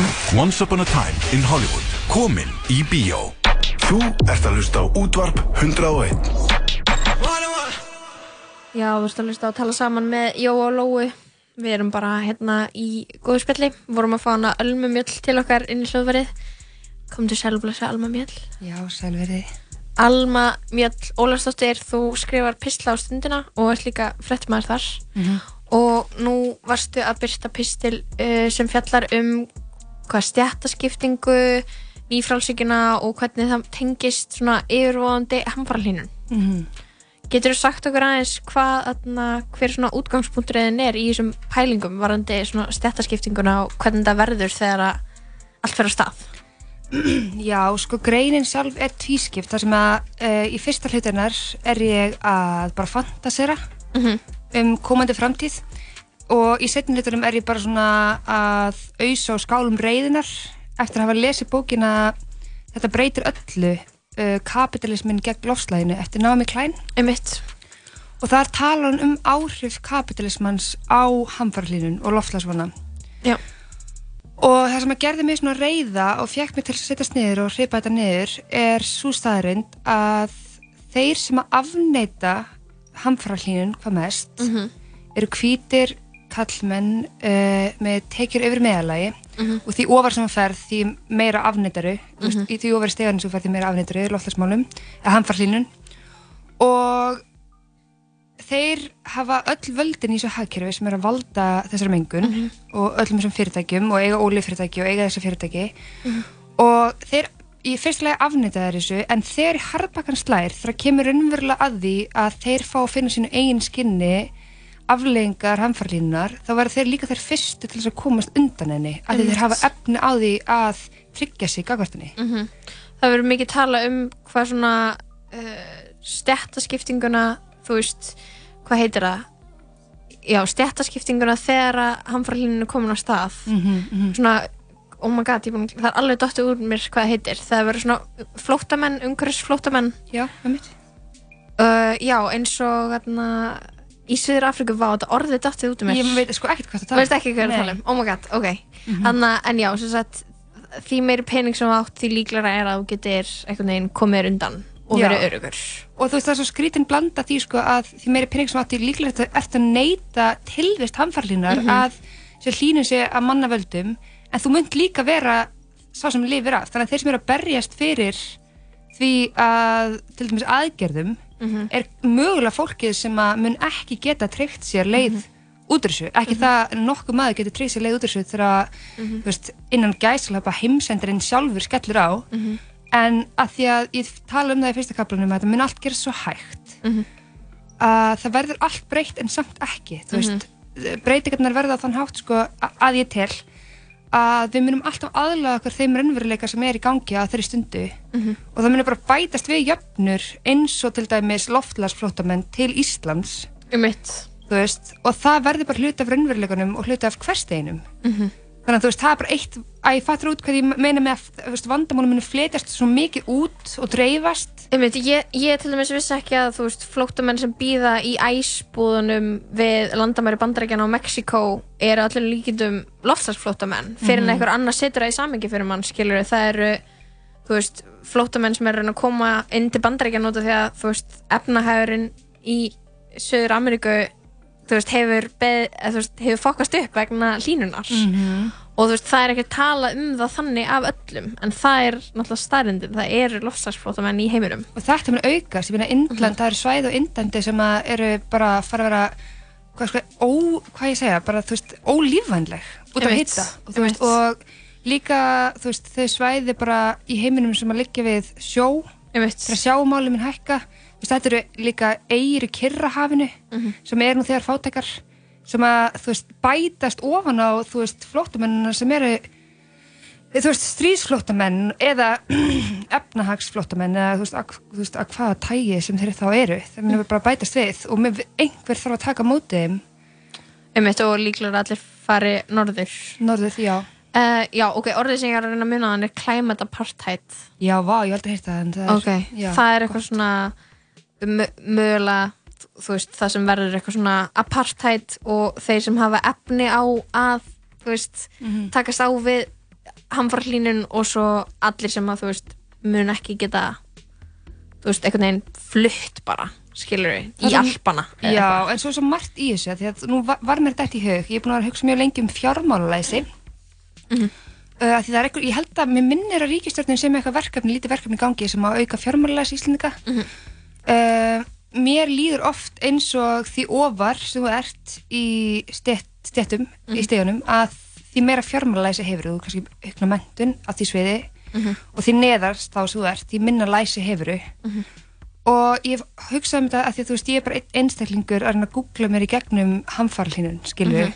en ég hef enga fagþekkingu þú veist, fólk sem vísindamæður eða sem hagfræðingur þannig að því ofar sem þú færð því meira læsi hefuru en því minna gerir við þetta læsi. Mhm. og þetta, eins og ég tala um í greininni þá sko þá er það sama tíma og vísindamenn vaknandi vitundar um hamfarlínun eða þú veist, raunverulega, þú veist, Club Roma og svona eitthvað kringum 70 að, þú veist, og ég geti með þess að þessi staðirind getur villisamur, 70, þú veist, ég er ekki sagfræðingur þegar kemur að loftasmálum en þarna uh, er nýfrælsíkin að reyða sér til rúms í heiminum. Þannig að auðmenn er að öskra og vísindamenn er að öskra nema bara auðmennin er að öskra herra en þetta er að gerast á nákvæmlega sama tíma þú veist, þetta er svo störtlað ef maður hugsa þetta svona, þá er þetta algjör störtlun Mhm. að nýfrælsíkin sé að vinna lofslæðið Mhm. Hlutin hefði getað farið tölvöst öðruvísi Já. en þeir gerðu. Nákvæmlega. Og það er þetta flókna dæmi sem ég er ekki með læsi sem að ég er að reyna að kynna mig núna, sem er þetta alþjóða viðskipta uh, dæmi allt saman í hilsin en það var FTO, World Trade Organization, Mhm. sem eru búin að búa til höft. eins og til dæmis, hún Nami Klein tekur eitt gott dæmi í bókinni sem ég man eftir, þar sem hún er að tala um Ontario í Kanada. Mhm. Þegar var einhver fyrirtæki sem var alltaf að framlega sólaraflöður Mhm. en það er eitthvað svona viðlög að innlendu markaður má ekki ham, að verða betri heldur en erlendur markaður, þú veist, það má ekki styrka innlendur markað þannig að hann sé, veist, betur æ, fattu hvað er að segja? Hann sé betur í stakk búinn. Já, heldur en erlendur markaðurinn þú veist, að hann sé þá vinna erlendur markaðin okay. þannig að þú veist, núna bara Kína sjáum að framlega sólaraflöður Já, já. þú veist, að því að, þetta, að því að þú veist þetta hefði getað búið til margar góða lausnir í Kanada að þessi framleiðsla á sólaraflöðum Mhm. fyrir fólki í landinu að því að þú veist öll þessi alþjóðviðskiptum um allan heim er bara búið til mengun, þú veist að losa mm Mhm. kólefni bara með flugi, með fraktskipum, með öllu Mhm. þetta er svo ógeðslega flóki vandamál og ég trú ekki að fólki sem er raunverulega, sem ég þekki sem er að reyna að berast fyrir sig hvað mest Mhm. er fólk sem hefur ekki þetta læsi og þarf að, þú veist, nýta skilur ekki öll kerfin í heiminum eða skilur og það er líka bara eitthvað sem maður er ekkert að pæla í út af því að þú veist, maður er bara í ykkur kerfi og maður er ekkert endilega svo, svo mikið búin að, eða veist, skilur það ekkert endilega, maður er bara til í því. Maður er bara til í og maður er eitthvað að reyna alveg hvað heitir þetta þarna? Apartheid blablabla, eins og þú varst að segja án, þú veist, maður man ekki þetta orðinu, maður man ekki en þú veist, maður má ekki skamma sem fyrir að Mhm. að kunni ekki og vera ekki læs. Þú veist, af hverju ætti maður að vera læs? Mhm. og það er svo pyrra með þetta fólk sem er læst notar læsið í að reyna að svindla og græða meira. Mhm. það er kannski vondið að fara að breytast. Kannski, með kannski ringrásarhagkerfi eða velsældarhagkerfi eða Einmitt. einhverju öðru heldur þessu hagkerfi sem vill bara enda þessu útþenslu Mhm. Nákvæmlega Hlustum á lag Já, gerum það. Þetta er uh, Young Thug og T.I. lagið About the Money.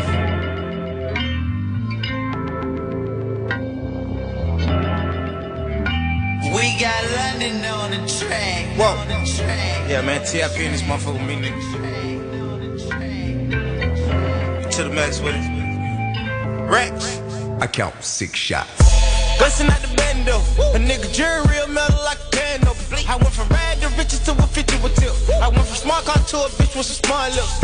And that if it need make my hip limp. I'm going fishing with these little bitty strip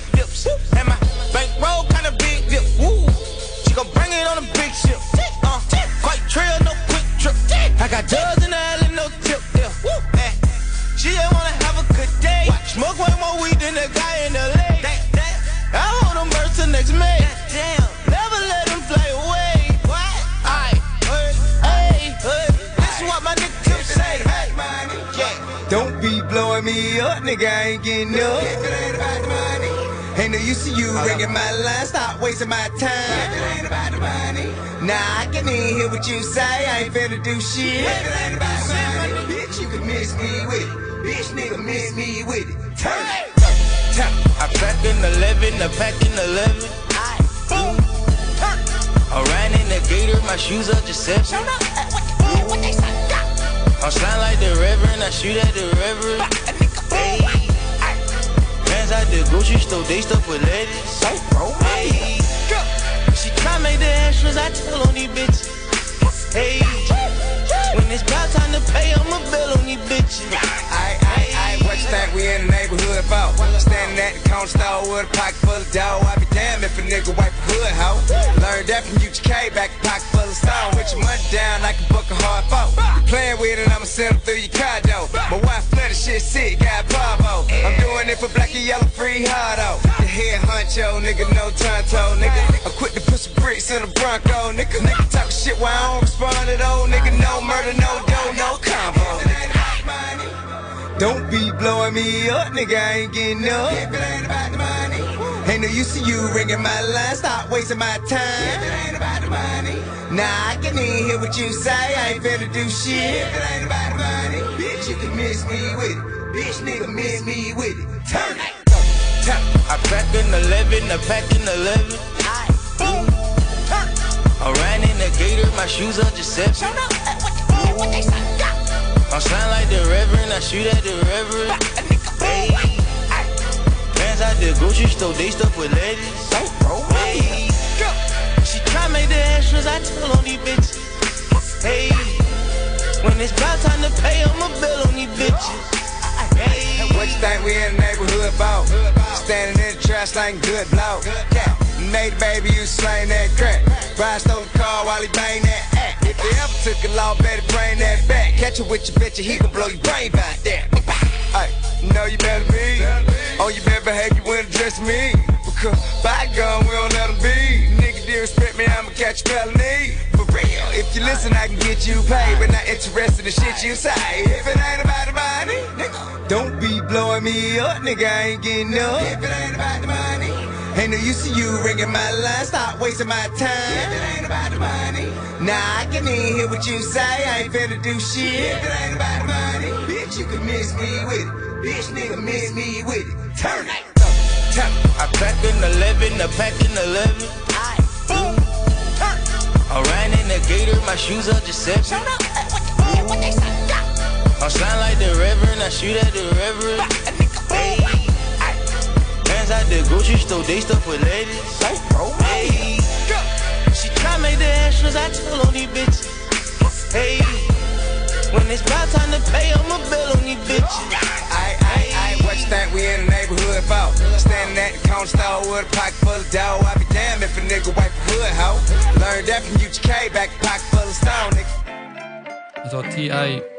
og Young Thug lagið About the Money við erum að spjalla við Ölmu Mjöll Ólafsdóttir sem skrifaði nýverið pistil á stundina Mhm. um stjættaskiptingu og, og tengslana við uh, hamfara línuna Hvað, na, hvað var til þess að þú fæst svona mikinn áhuga á þessu málumni? Á hamfarlínun? Já.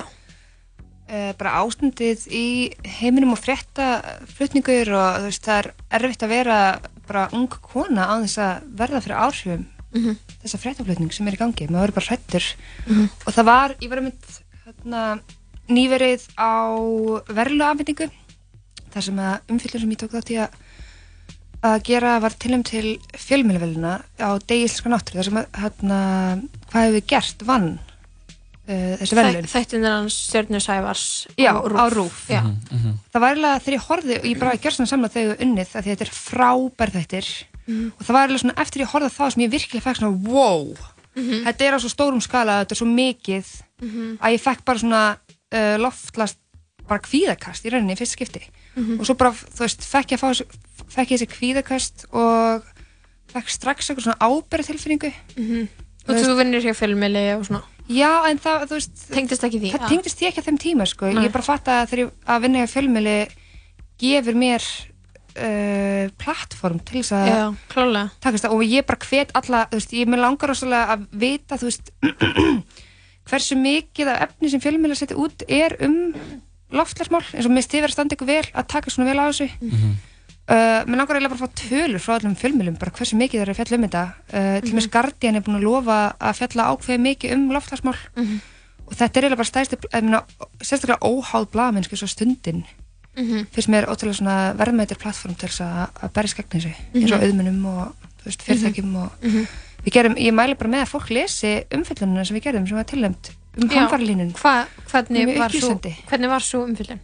Uh, við gengum uh, út frá tím við, hérna, vorum að skoða hvernig Ísland er 2050, það var svona útgangspunkturinn okkar Ok.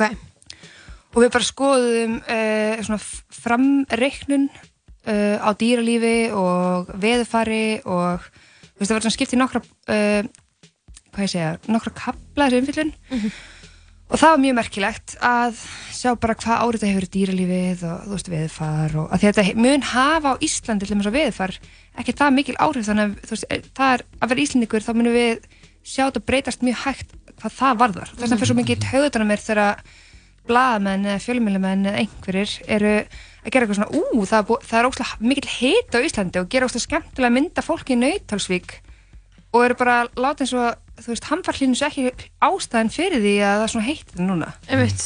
en þú veist, í rauninni munir bara vera jákvæða breytingar í okkur þegar hvað, hvað það var það sko. Mhm. en það er þessi félagslegi þáttur sem að muni held að mínum að, eða, ég tel að hann muni breytast mest sko. Sem er þá þessir uh, og líka bara, þú veist, hvernig mun Ísland koma út uh, í augum heimsins ef við stöndum ekki við okkar hlut Mhm. þú veist, eins og með stjórnvöld ekki vera að standa sér nú vel hvað þetta varðar Mhm. þú veist, hvernig munum við koma út og verða stríð, skilur við Mhm. þegar við fara að hakka í, í kapitalismunum, ég veit það ekki Mhm. Einmitt. eða Trump og Kína eða ég veist, einhvað, þú veist, hvernig springur eitthvað, skilur við Einmitt. Hvað, aðna, nú eru svona, al, svona stór mótmæli á fyrstbæn. Er það ekki? hérna í Reykjavík. Það eru stór loftslagsmótmæli. Það er maður að ljúka loftslagsviku. Já, sem er búin að vera í gangi og heimsbyðin alltaf fylgjast með Greti Thunberg. Mhm. Hvernig finnst þú hún hafa komið út úr þessu svona senstu, senstu vikuna, svona verið svona í New York? hún kemur öflug inn, sko Já. uh, ég horfði á þessa ræðu sem var með sem, Mhm. Sem varð væral, sem var ótrúlega væral, sko. Ég fór bara að gráta af því að þú veist, mér finnst svo ósækjant í rauninni að hún þurfi að gera þetta. gera þetta. Þú veist, ég veit að hún er að gera þetta og kýsta sjálfa að gera þetta og hún far ógæslega mikið skíti við sig og það er að vera að gera lítið úr henni. Og, og eitthvað svona haldur hún sé ykkur samsæri finnst það er alveg tjúl- tjúllast Já. sem ég hef séð að hún sé eitthvað svona puppet sem einhverjir eitthvað fólk eitthvað svona stjórnar og borgarinni fyrir að tala svona. Já, fólk heldur að George Soros sé að borginni fyrir að geðveikt skrítið það var einmitt, já, var mjög áhrifaríkt að, að hún var bara að benda á bara eitthvað svona að hætti að klappa fyrir mér og gera eitthvað Já, benda á aðgerðir. En það, Mhm. þú veist, það sem að mér finnst til eins og Íslandi núna, það er eitthvað annað sem mér finnst ég fá út úr þessum pisli, eða svona huglengunum sem að ég var að hugsa út í þessum pisli, er að mér finnst þau verið að koma með sameilan óvinn, sko. Íslendingar Bara allir, sem eru þessi stóru fyrirtæki og bara kapitalismi. Þess að stjórnvöld annars vegar, við þurfum að íta stjórnvöld að gera eitthvað, uh, með skrítið, þú veist, eins og við vorum að tala um ETS-kerfið Já. og, þú, og hérna, þú veist, og hvað er að byrni ábyrð stjórnvalda, hvað ekki, af hverju eru, getur stjórnvalda ekki sett, þú veist, kólefni skatt eða kjötskatt, þú veist, þau geta gert meira að mínum mati Mhm. á þessi fyrirtæki og svo er það fyrirtækin sjálf. En svo erum þetta ekkert allir sammála um þetta, þú veist, ég held að séu, þú veist, við komum úr einhverju svona listabakrunni að það eru svona ógeðslega margir sem að, veist, trúa ennþá á kapitalisma og hann leysi þennan vanda. Já. Það er bara svona, þú veist, ég held að séu, eða, ég veit ekki hvort allir séu endilega sammála þessu. Að bara margir sem trúa ennþá á, þú veist, já, það hafa allir ávinning af því að, þú veist, við eitthvað hættum að þú veist, rústa plánundinni við við höfum kapitalískan ávinning að því, skilur við Svo er líka þetta svo erfitt því að sko, eh, eins og ég talaði með þáttunum mínum sem ég er með á rásæð sem heitir Gjáin, Mhm. þá verið að sko uh, kapitalisma og nýfjárfærsvíkju út frá feminísku sjónuröðni Mhm. að þá erum við að tala um sko að þegar fall Sovjetríkina verður 1991 Mhm. að það deyr ek- þú veist, það deyr uh, alternatífið þú veist, uh, sósalismi verður bara kommunismi og nýfræðsækja fær bara að vaksa ógslag mikið þannig að þú veist er búið að gera þú veist eins og Jordan Peterson og hans lið þau tala um sko neomarxista sem sósalista sem eru bara anstæðingar nýfrálsíki Mhm. þú veist er búið að gera ógslag lítið úr fólki sem sér að þetta kerfi er ekki að virka og ég trúði einarlega bara að við sem ekki vera að leysa þetta verkefni með lausnum innan úr kerfinu eins og mér finnst stundum kólefnisjöfnun vera Mhm. eða þetta þarna, það ætla að bóra öllu þessu, öllu þessu kólefninu í jörðina Mhm. finnst mér vera svolítið svona lausn innan úr kerfinu í staðan fyrir að veist, gera kerfið sustainable eða sjálfbært, mm Mhm. -hmm. fattu hvað við Mhm.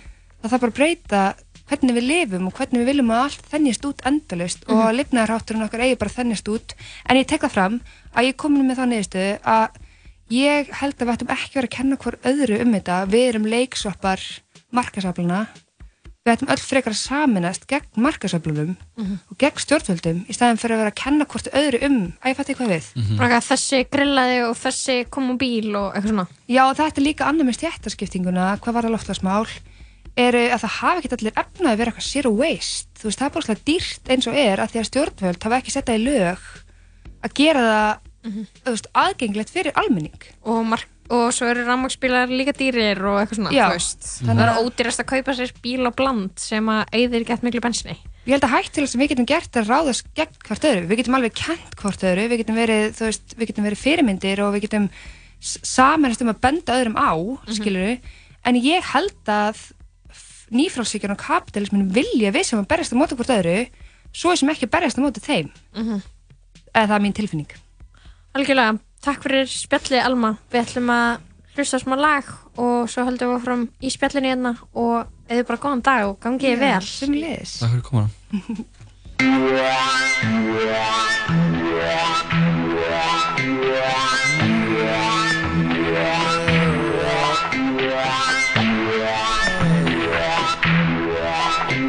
Crush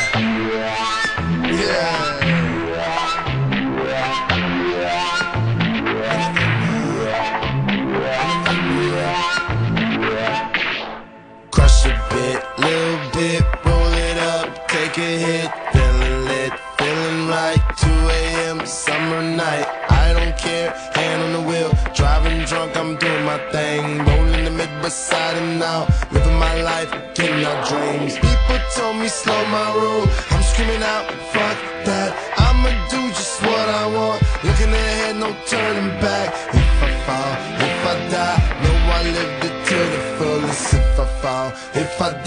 know I lived in missing bullets. I'm on the pursuit of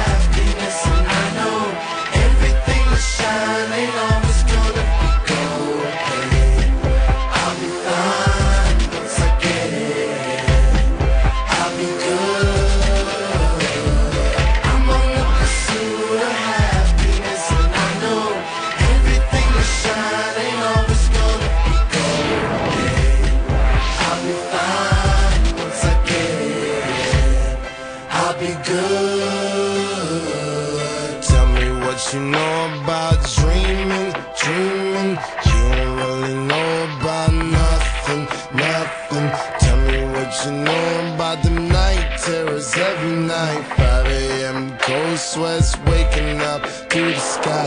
Tell me what you know about dreams, dreams. Tell me what you know about night terrors, nothing. You don't really care about the trials of tomorrow. Rather lay awake in the bed full of sorrow.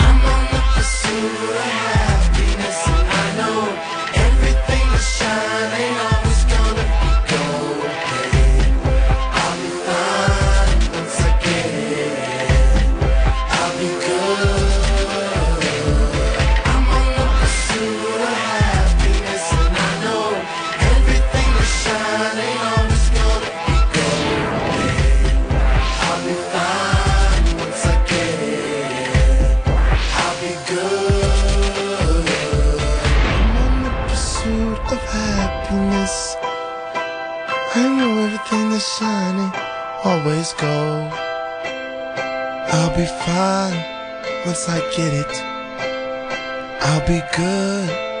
Uh.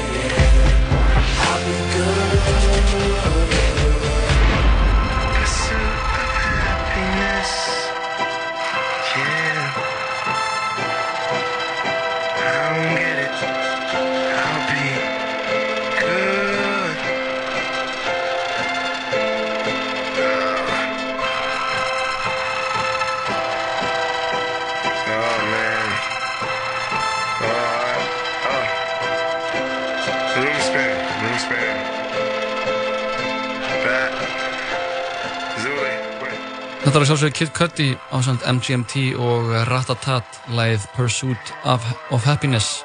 Við vorum að hveða hana Ölmumjöll úr, hún var að fara á hljóðvarinu. Við vorum að tala við hana um umhverfismálar og stettaskiptingu sem er svona efst á baui hjá mörgum þessum dana. Heldur betur, við ætlum að halda orðum að spjalla eftir raskamma stund en fyrst er það Weekend, þetta er Sissa.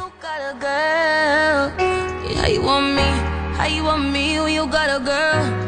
The feeling is badly of knowing it's selfish Knowing I'm desperate, getting on in love, falling all over love. I do it till last.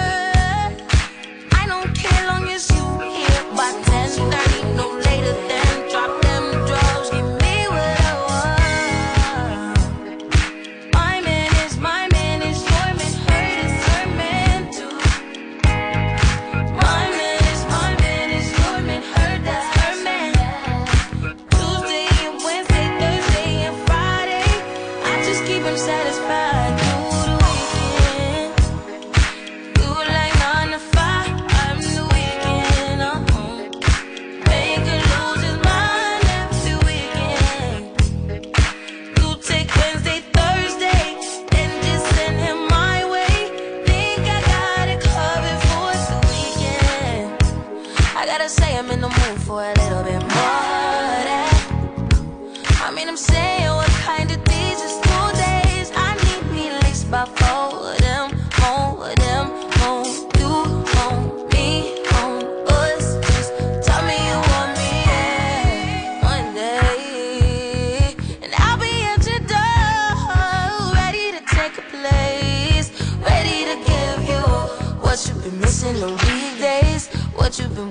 before no later than drop them drawers. I know what you want. My man is my man is your man. Hurt is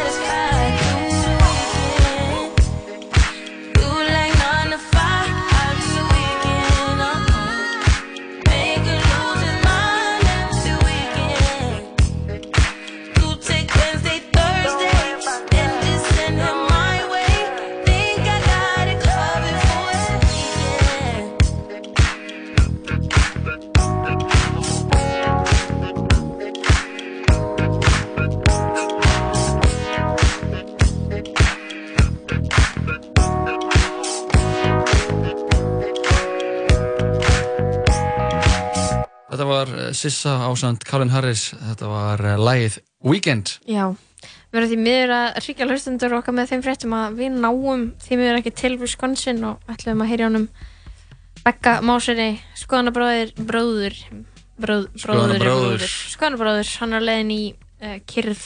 Já, við slum, ég ætla, við slum, ég ætla að prófa bara að ringja bara í hann. Það er það skemmtilegt útvarf eða?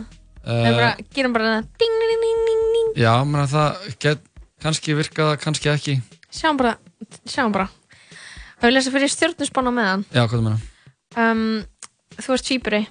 Ég er týpuri, það er fakt gamalt fólk verður í stóru hlutverki í dag og hjá þeim sem eru komnir af léttasta skeiðinu verður mikið um að vera Nú ert þú komin af léttasta skeiðinu uh, Já, og ert orðin gamall ég er orðin gamall Hvernig finnst þér að vera svona gamall? uh, Mér finnst það bara flott sko. ég, ég er alltaf mikið með ungu fólki líka. Heldur ungum, það er rétt. ég sé ungur fráttur að ég eh, sé komin á aldur. Orðin 27 ára gamall. Þetta er bara, þú veist, þessu spá, þessu leiðilt að fá stjórnusspá eru fjóra línur í henni og ekkert það er relevant fyrir þig og þegar þú ert ekki aftur. Gamalt fólk verður stóru hlutverki í dag og hjá þeim sem eru komnir að letasta skeiðinu verður mikið um að vera. Man eitthvað, veist, þetta á bara við um gamalt fólk. Nei, það verður gamall fólkur í stóru hlutur Hjá þér? Hjá mér. Og hvað, ertu að fara að heita eitthvað gamlan í dag? Næ, Nei? Ok, ég vil lesa mína. Já. Ok, Vasperi, sjátt á alla Vasperina núti og byrju, vá. Sjátt minnum á það, ég ætla að henda sjátt á alla í fjölbreytaskólanum í Breiðolti Já, þú veist með og þegar ég var þar í dag sjaldan hefur verið jafnvel tekið á móti mér á einu kikki Hvað geta vel eða? um, já, eða mér varst gaman eða skilur, ég, ég veit ekki veit ekki hvort þeim varst gaman en mér varst gaman.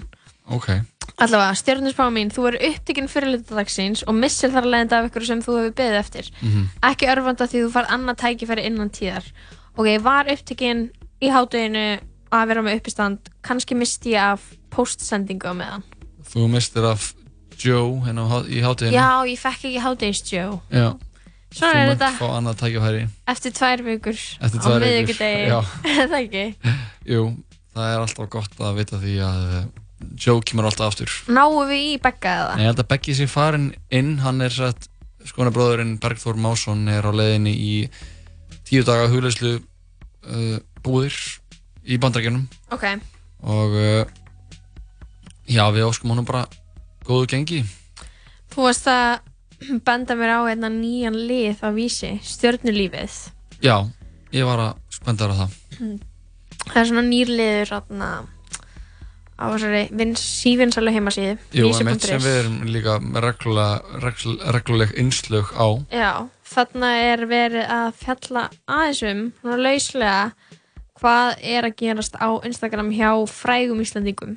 uh, Já, eða svona hjá Íslandingum sem eru með mikið fylgjendum öllu heldur Já, ok, þetta er sérst bara eitthvað Instagram dæmi. Ástís Rán er í Greiklandi. mm Þetta er svona fylgja fordæmi Devaf sem er með Instagram vikunar, Vikunar. alltaf og uh, að posta myndum uh, Af Instagram. af fólki á, já, af Instagram og segja bara eins og bara þessi lína hérna sem ég uh, greip, greip augum mín samfélagsmiðlastjarnan Bryndis Líf hefur oft augrað stjórnundum samfélagsmiðla með myndum af sér þar sem hún sýnir brjóst sín allt nema gerurtunar Mhm. hún byrti á myndugunum mynd af sér í sturtu Mhm. þetta bara þótti mér áhugavert að, að sjá einhvern veginn á Veistu hvað ég verð að segja? Hvað? Aðeins að ætla eitthvað, þú veist, aðeins að veit eitthvað. já, Það er hún Ástís Rán, Ice Mhm. Queen Official. Mhm. Hún er með 10 ko- 10.000 followers, næst í 11.000 followers. Já. Hún er að fá allt og að fá like á Instagram. Hún er að fá 267 á bara stór skemmtilega myndir af sér á, á Greiklandi að gera okkur að finnar pósur upp á okkur um staur við eitthvað vatn í bleikum ból, skilur við, bara að lifa sinni besta lífi. Hún er að fá 267 like. Er ekki 267 like með 11.000 followers ógeðslega lítið?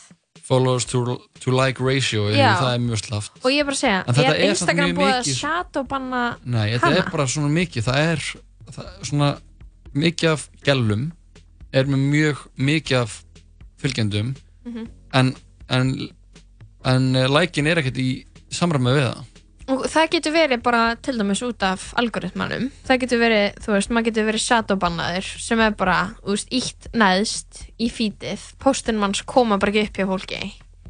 Já, eða bara fólk Þess vegna er þetta að setja í story new post, skilur, svo þú actually farir inn á prófílinn. Er það? Ástæðan fyrir að fólk setur í story new post og þú veist, postar myndinni sinni í story Mhm. er þetta því að þú veist, hún er ekki að fá traffík skilur, myndin er ekki að fá hennar traffík Nei, mitt. Og ég bara, þú veist, það ætti ykkur að benda ástis rána á þennan möguleika að reposta myndunum sínum í story. Bara til þess að fá aðeins fyrir og ég meina hún er með 11.000 followers. Já. 200, 260 er alltaf lítið fyrir okkar konu. Svo, þú veist, svo eru myndir af hann eitthvað á nærfötunum. Þá er hún í 1000 Mhm. skilur við Mhm. en svo er ein, ein önnur mynd af hann með 195 og ég bara, þú veist þetta er ekki, þetta er eitthvað skrítið sko. Já, það er, Instagram er orðið að einhverjum svona sem í psycho stað sko. Mhm. ég verði að fá að segja það, mér finnst ég er náttúrulega að að taka mér fríðan núna sístu vikur. Já, ég er hægt sko. Já uh, já, en þú byrjaði síðan ábyggla aftur eftir tekur törn eftir nokkra daga. Mm, sko, það sem ég veist það sem ég segja sér hægt er bara, ég get alveg skoðað Instagram en ég er bara ekki með appið og í postingu mm -hmm, mm -hmm. þannig að þú ef ég kíki fimm minútur hér og þar þá er ég ekki fallin Nei, mitt, eins og það þú drekkur ekki þarftur að fá þér eitt og eitt vínglas er ekki eins. Mér finnst að maður getur alveg ekki drukkið þegar maður fá sér eitt og eitt vínglas sko. já, ok, finnst þér það bæði jafn legit sem Já, já, mér finnst það sko. En mér finnst bara skilur eins og þú veist, þetta sé allt svona spurningum hvernig, hvernig þú ert að nota forritið, þú veist, að þú ætlar að einstakar sem að kíkja til að sjá hvað viniðin eru up to. Mm þú veist, þá finnst mér það bara basic en ég ætla ekki eftir að detta í eitthvað svona explore binge. Nei, en núna líka þarf ég ekki að vera með Instagram út af því að stjörnulífið er komið á stað og Já. það get ég sé bara, hvað er Birgit lífið að gera? Hvað er Katrín Tanni að gera hvað er Sunna Einars? Hvað er Bryndís hvað Líf að gera? Ólafs? Hvað er, hvað er Bryndís lífið að gera? Hún er í styrstu í hún er í styrtu Já, já. Þetta skvísu dæmi á Instagram. Já, myndur segja að væri, er að koma út í öfgar?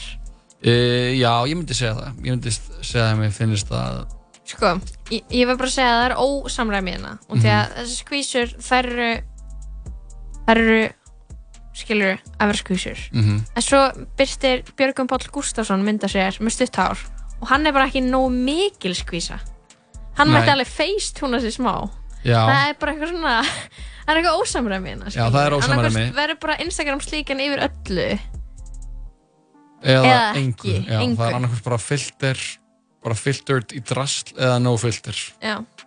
Gils og Ingo Viðugvi voru að lenda sennilega eitthvað stær í helviti Einmitt. en uh, nei, reyndar á eigilstöðum en þeir eru að fara að gigga og ætli það verði ekki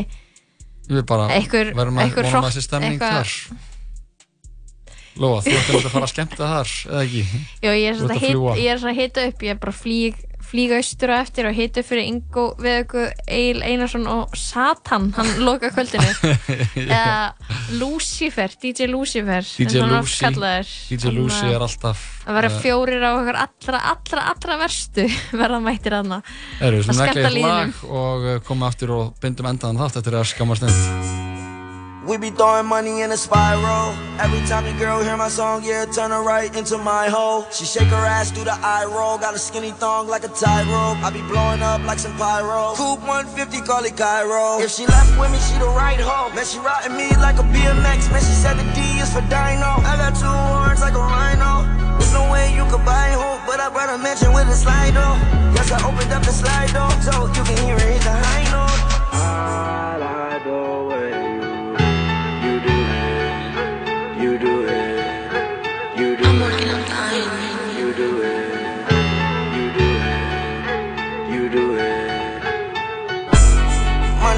Coming in. I can't lose. Money keep coming in. I can't lose. Foreign girls in they tens. I can't choose. Foreign car got the 10. I can't cruise. Got different color on my diamonds. I can't even see the time. I don't wanna see her face. I'ma go and get behind. Drop the top on the red. I'ma make it lose its mind. I just made I was swinging from a vine. Try to pull me down, but I climb.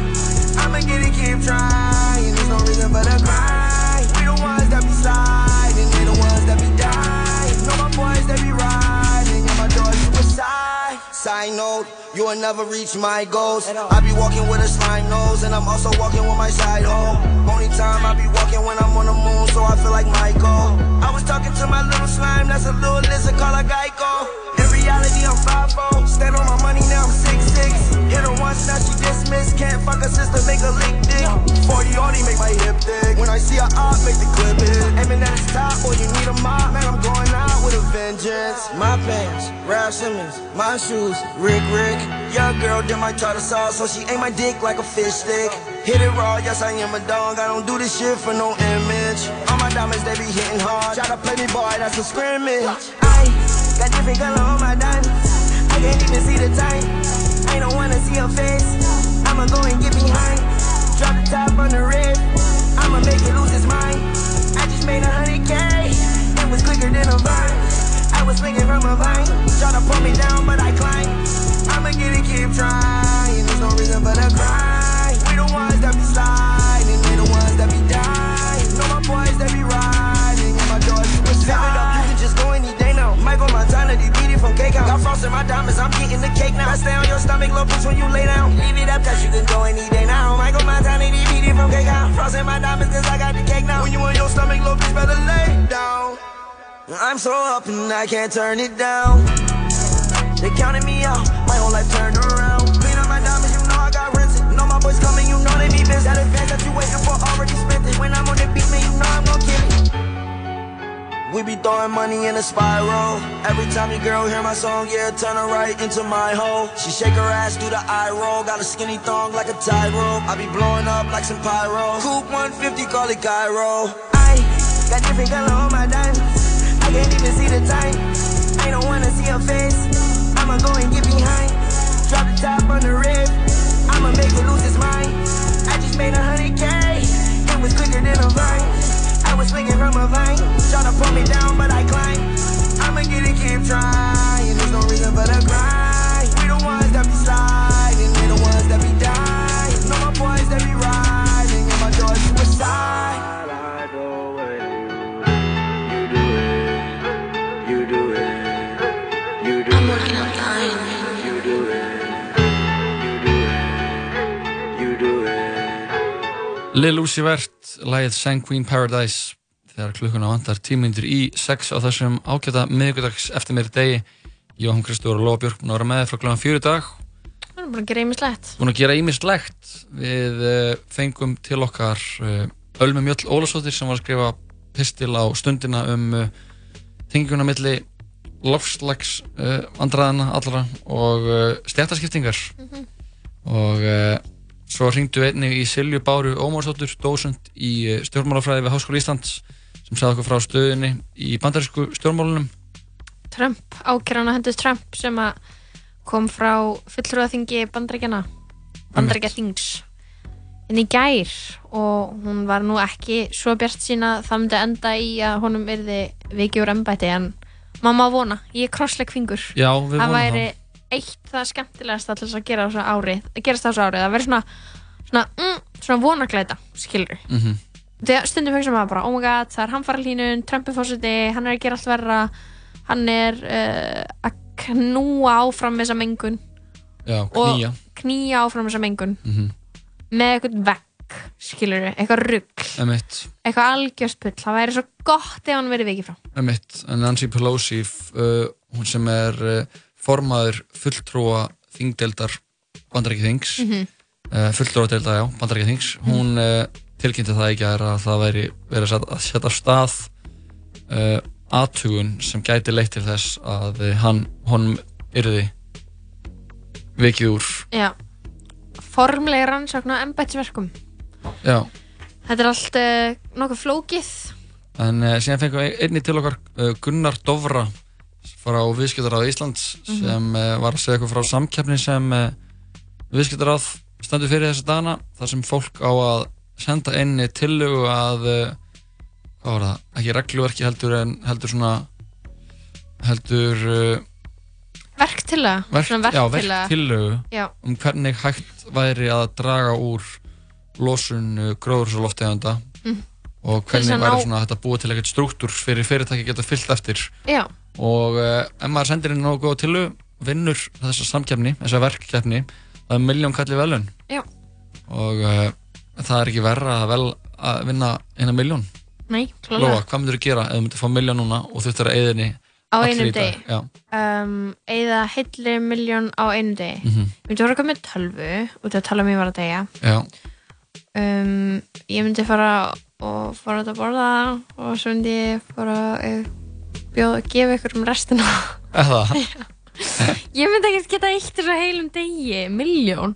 eða ekki Nei, ég myndi bara kaupa með tölvu og þú veist, þá var ég bara góð. Þú ert svo næjusum Já, mér langar bara í 210 svona tölvu. Já, það er, þú veist, ég geti eitt miljón á sko Hvað myndir þú? tímyndum. Eða miljónum mín Ég myndi mín- kaupa- tíu myndum. Ef það er eina myndu til að eða miljón, hvað myndir þú gera? Eh, þá myndi ég bara fara inn á farfetch.com og fara í, í anna wishlista minn Já, og kaupa allt og kaupa allt þar En veitu, ég var að hugsa um svona ég þurfti bókstæðan að lappa um með þessa miljón ég var að taka internet shopping með. Nei, þú mátt gera það líka. Já, æ, ég myndi samt ekkert Þú myndir vilja bara fara að kaupa krem fyrir miljón Já, ég nefnilega hugsaði að ég var eitthvað kremin, en þú veist svo var eitthvað þau kosta svona, mér langar kannski krem fyrir kannski svona 30 skall Nei. það er ekki beint eitthvað svona stór Nei, þú veist að vestleikar Aesop krem þú kostar alveg meira en 30 skall þú myndir kaupa bara allan Aesop katalógin alveg Ég er alveg fucking dottin á þessum Aesop vagni sko Já, ég er þetta líka sko Throw the whole Aesop away Ég fekk mér eitthvað Aesop krem ef hlustendur eru ekki með þetta þá er Aesop svona Það er Ástralskt. húðvöru fyrirtæki Já, sem er eitthvað rosa fínt en það allan að að fyrst og fremst lyktar mjög vel Já, það líktar mig vel Já. Mér finnst allt aðeins svo feitt aðeins svo þykkt einhvern veginn. Hvaðna, keftur þú eitthvað, eitthvað, svona, eitthvað svona dagkrem? Já, ég kipti andletskrem, ragkrem. Frá þarna, svona mandarin sem heitir, að- heitir að tú, hvað heitir það? Ég veit það ekki, ég hætti að nota það. Og þau eru feitt? Já, Já, mitt. Ég hef bara svona vassbaserað krem. Já, mitt, svona vassbarisarkrem, mm, svo gott, það er svona létt og maður á sko, eins og maður á að setja sér rakakrem, þá á Mhm. maður frekar að setja mörg lög heldur en eitt ógíslega þykkt. Já, já, Já.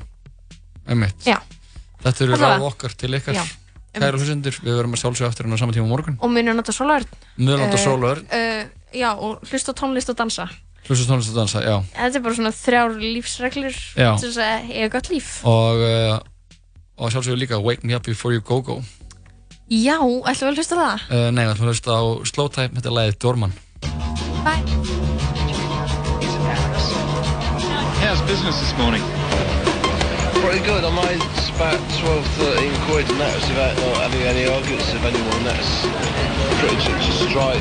If you don't you're gonna get your head kicked in, Shoot a messenger, string 'em up. She's a 10 plus 10, not enough. Mixed messages, wise cross.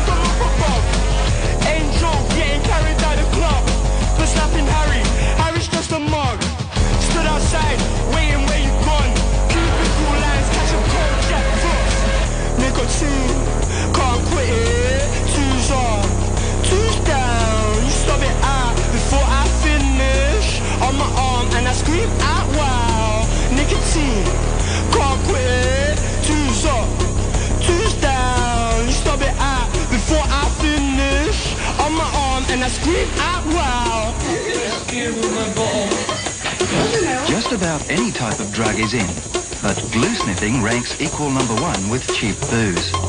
Hello! Cyril is a glue man. Tala saman, alla virka daga, millir fjögur og sex í bóði Megavíku Dominos og Once Upon a Time in Hollywood.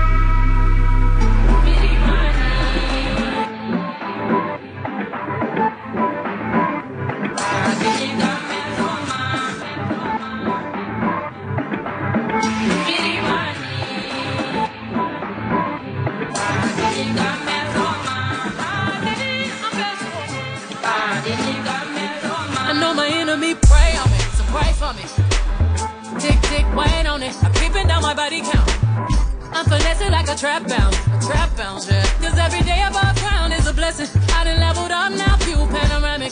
None of my fears can't go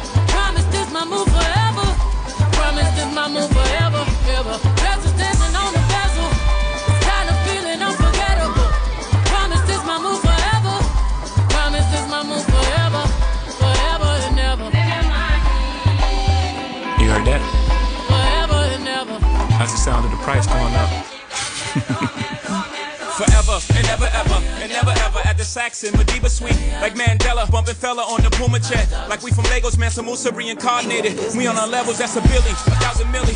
First one to see a B out these housing buildings. I be feeling like Prince in 84 Mike in 79 Biggie in 97 94 Nas Ali Kumbaya. No Kumbaya just give me the sommelier. I'm on Latage helmet when I jet ski. You know the vibes hit my head forget I'm me. Oh my god without the God and the XY I'm afraid the whole game will be colonized. The marathon will be televised for NIP the true kings don't die we multiply peace I'm so unbothered, I'm so unbothered. Y'all be so pressed while I'm raising daughters, sons of empires. Y'all make me chuckle, stay in your struggle. Crystal blue water, pina colada in. You stay Ramada in. My baby father, bloodline Rwanda. Why would you try me? Why would you bother? I am Beyonce, Giselle knows Carter. I am the Nala, sister Naruba, Oshun Queen Sheba. I am the mother, I'm on my gold chain. I sold my whole chain. I be like soul food. I am a whole mood. when we walk up in the club,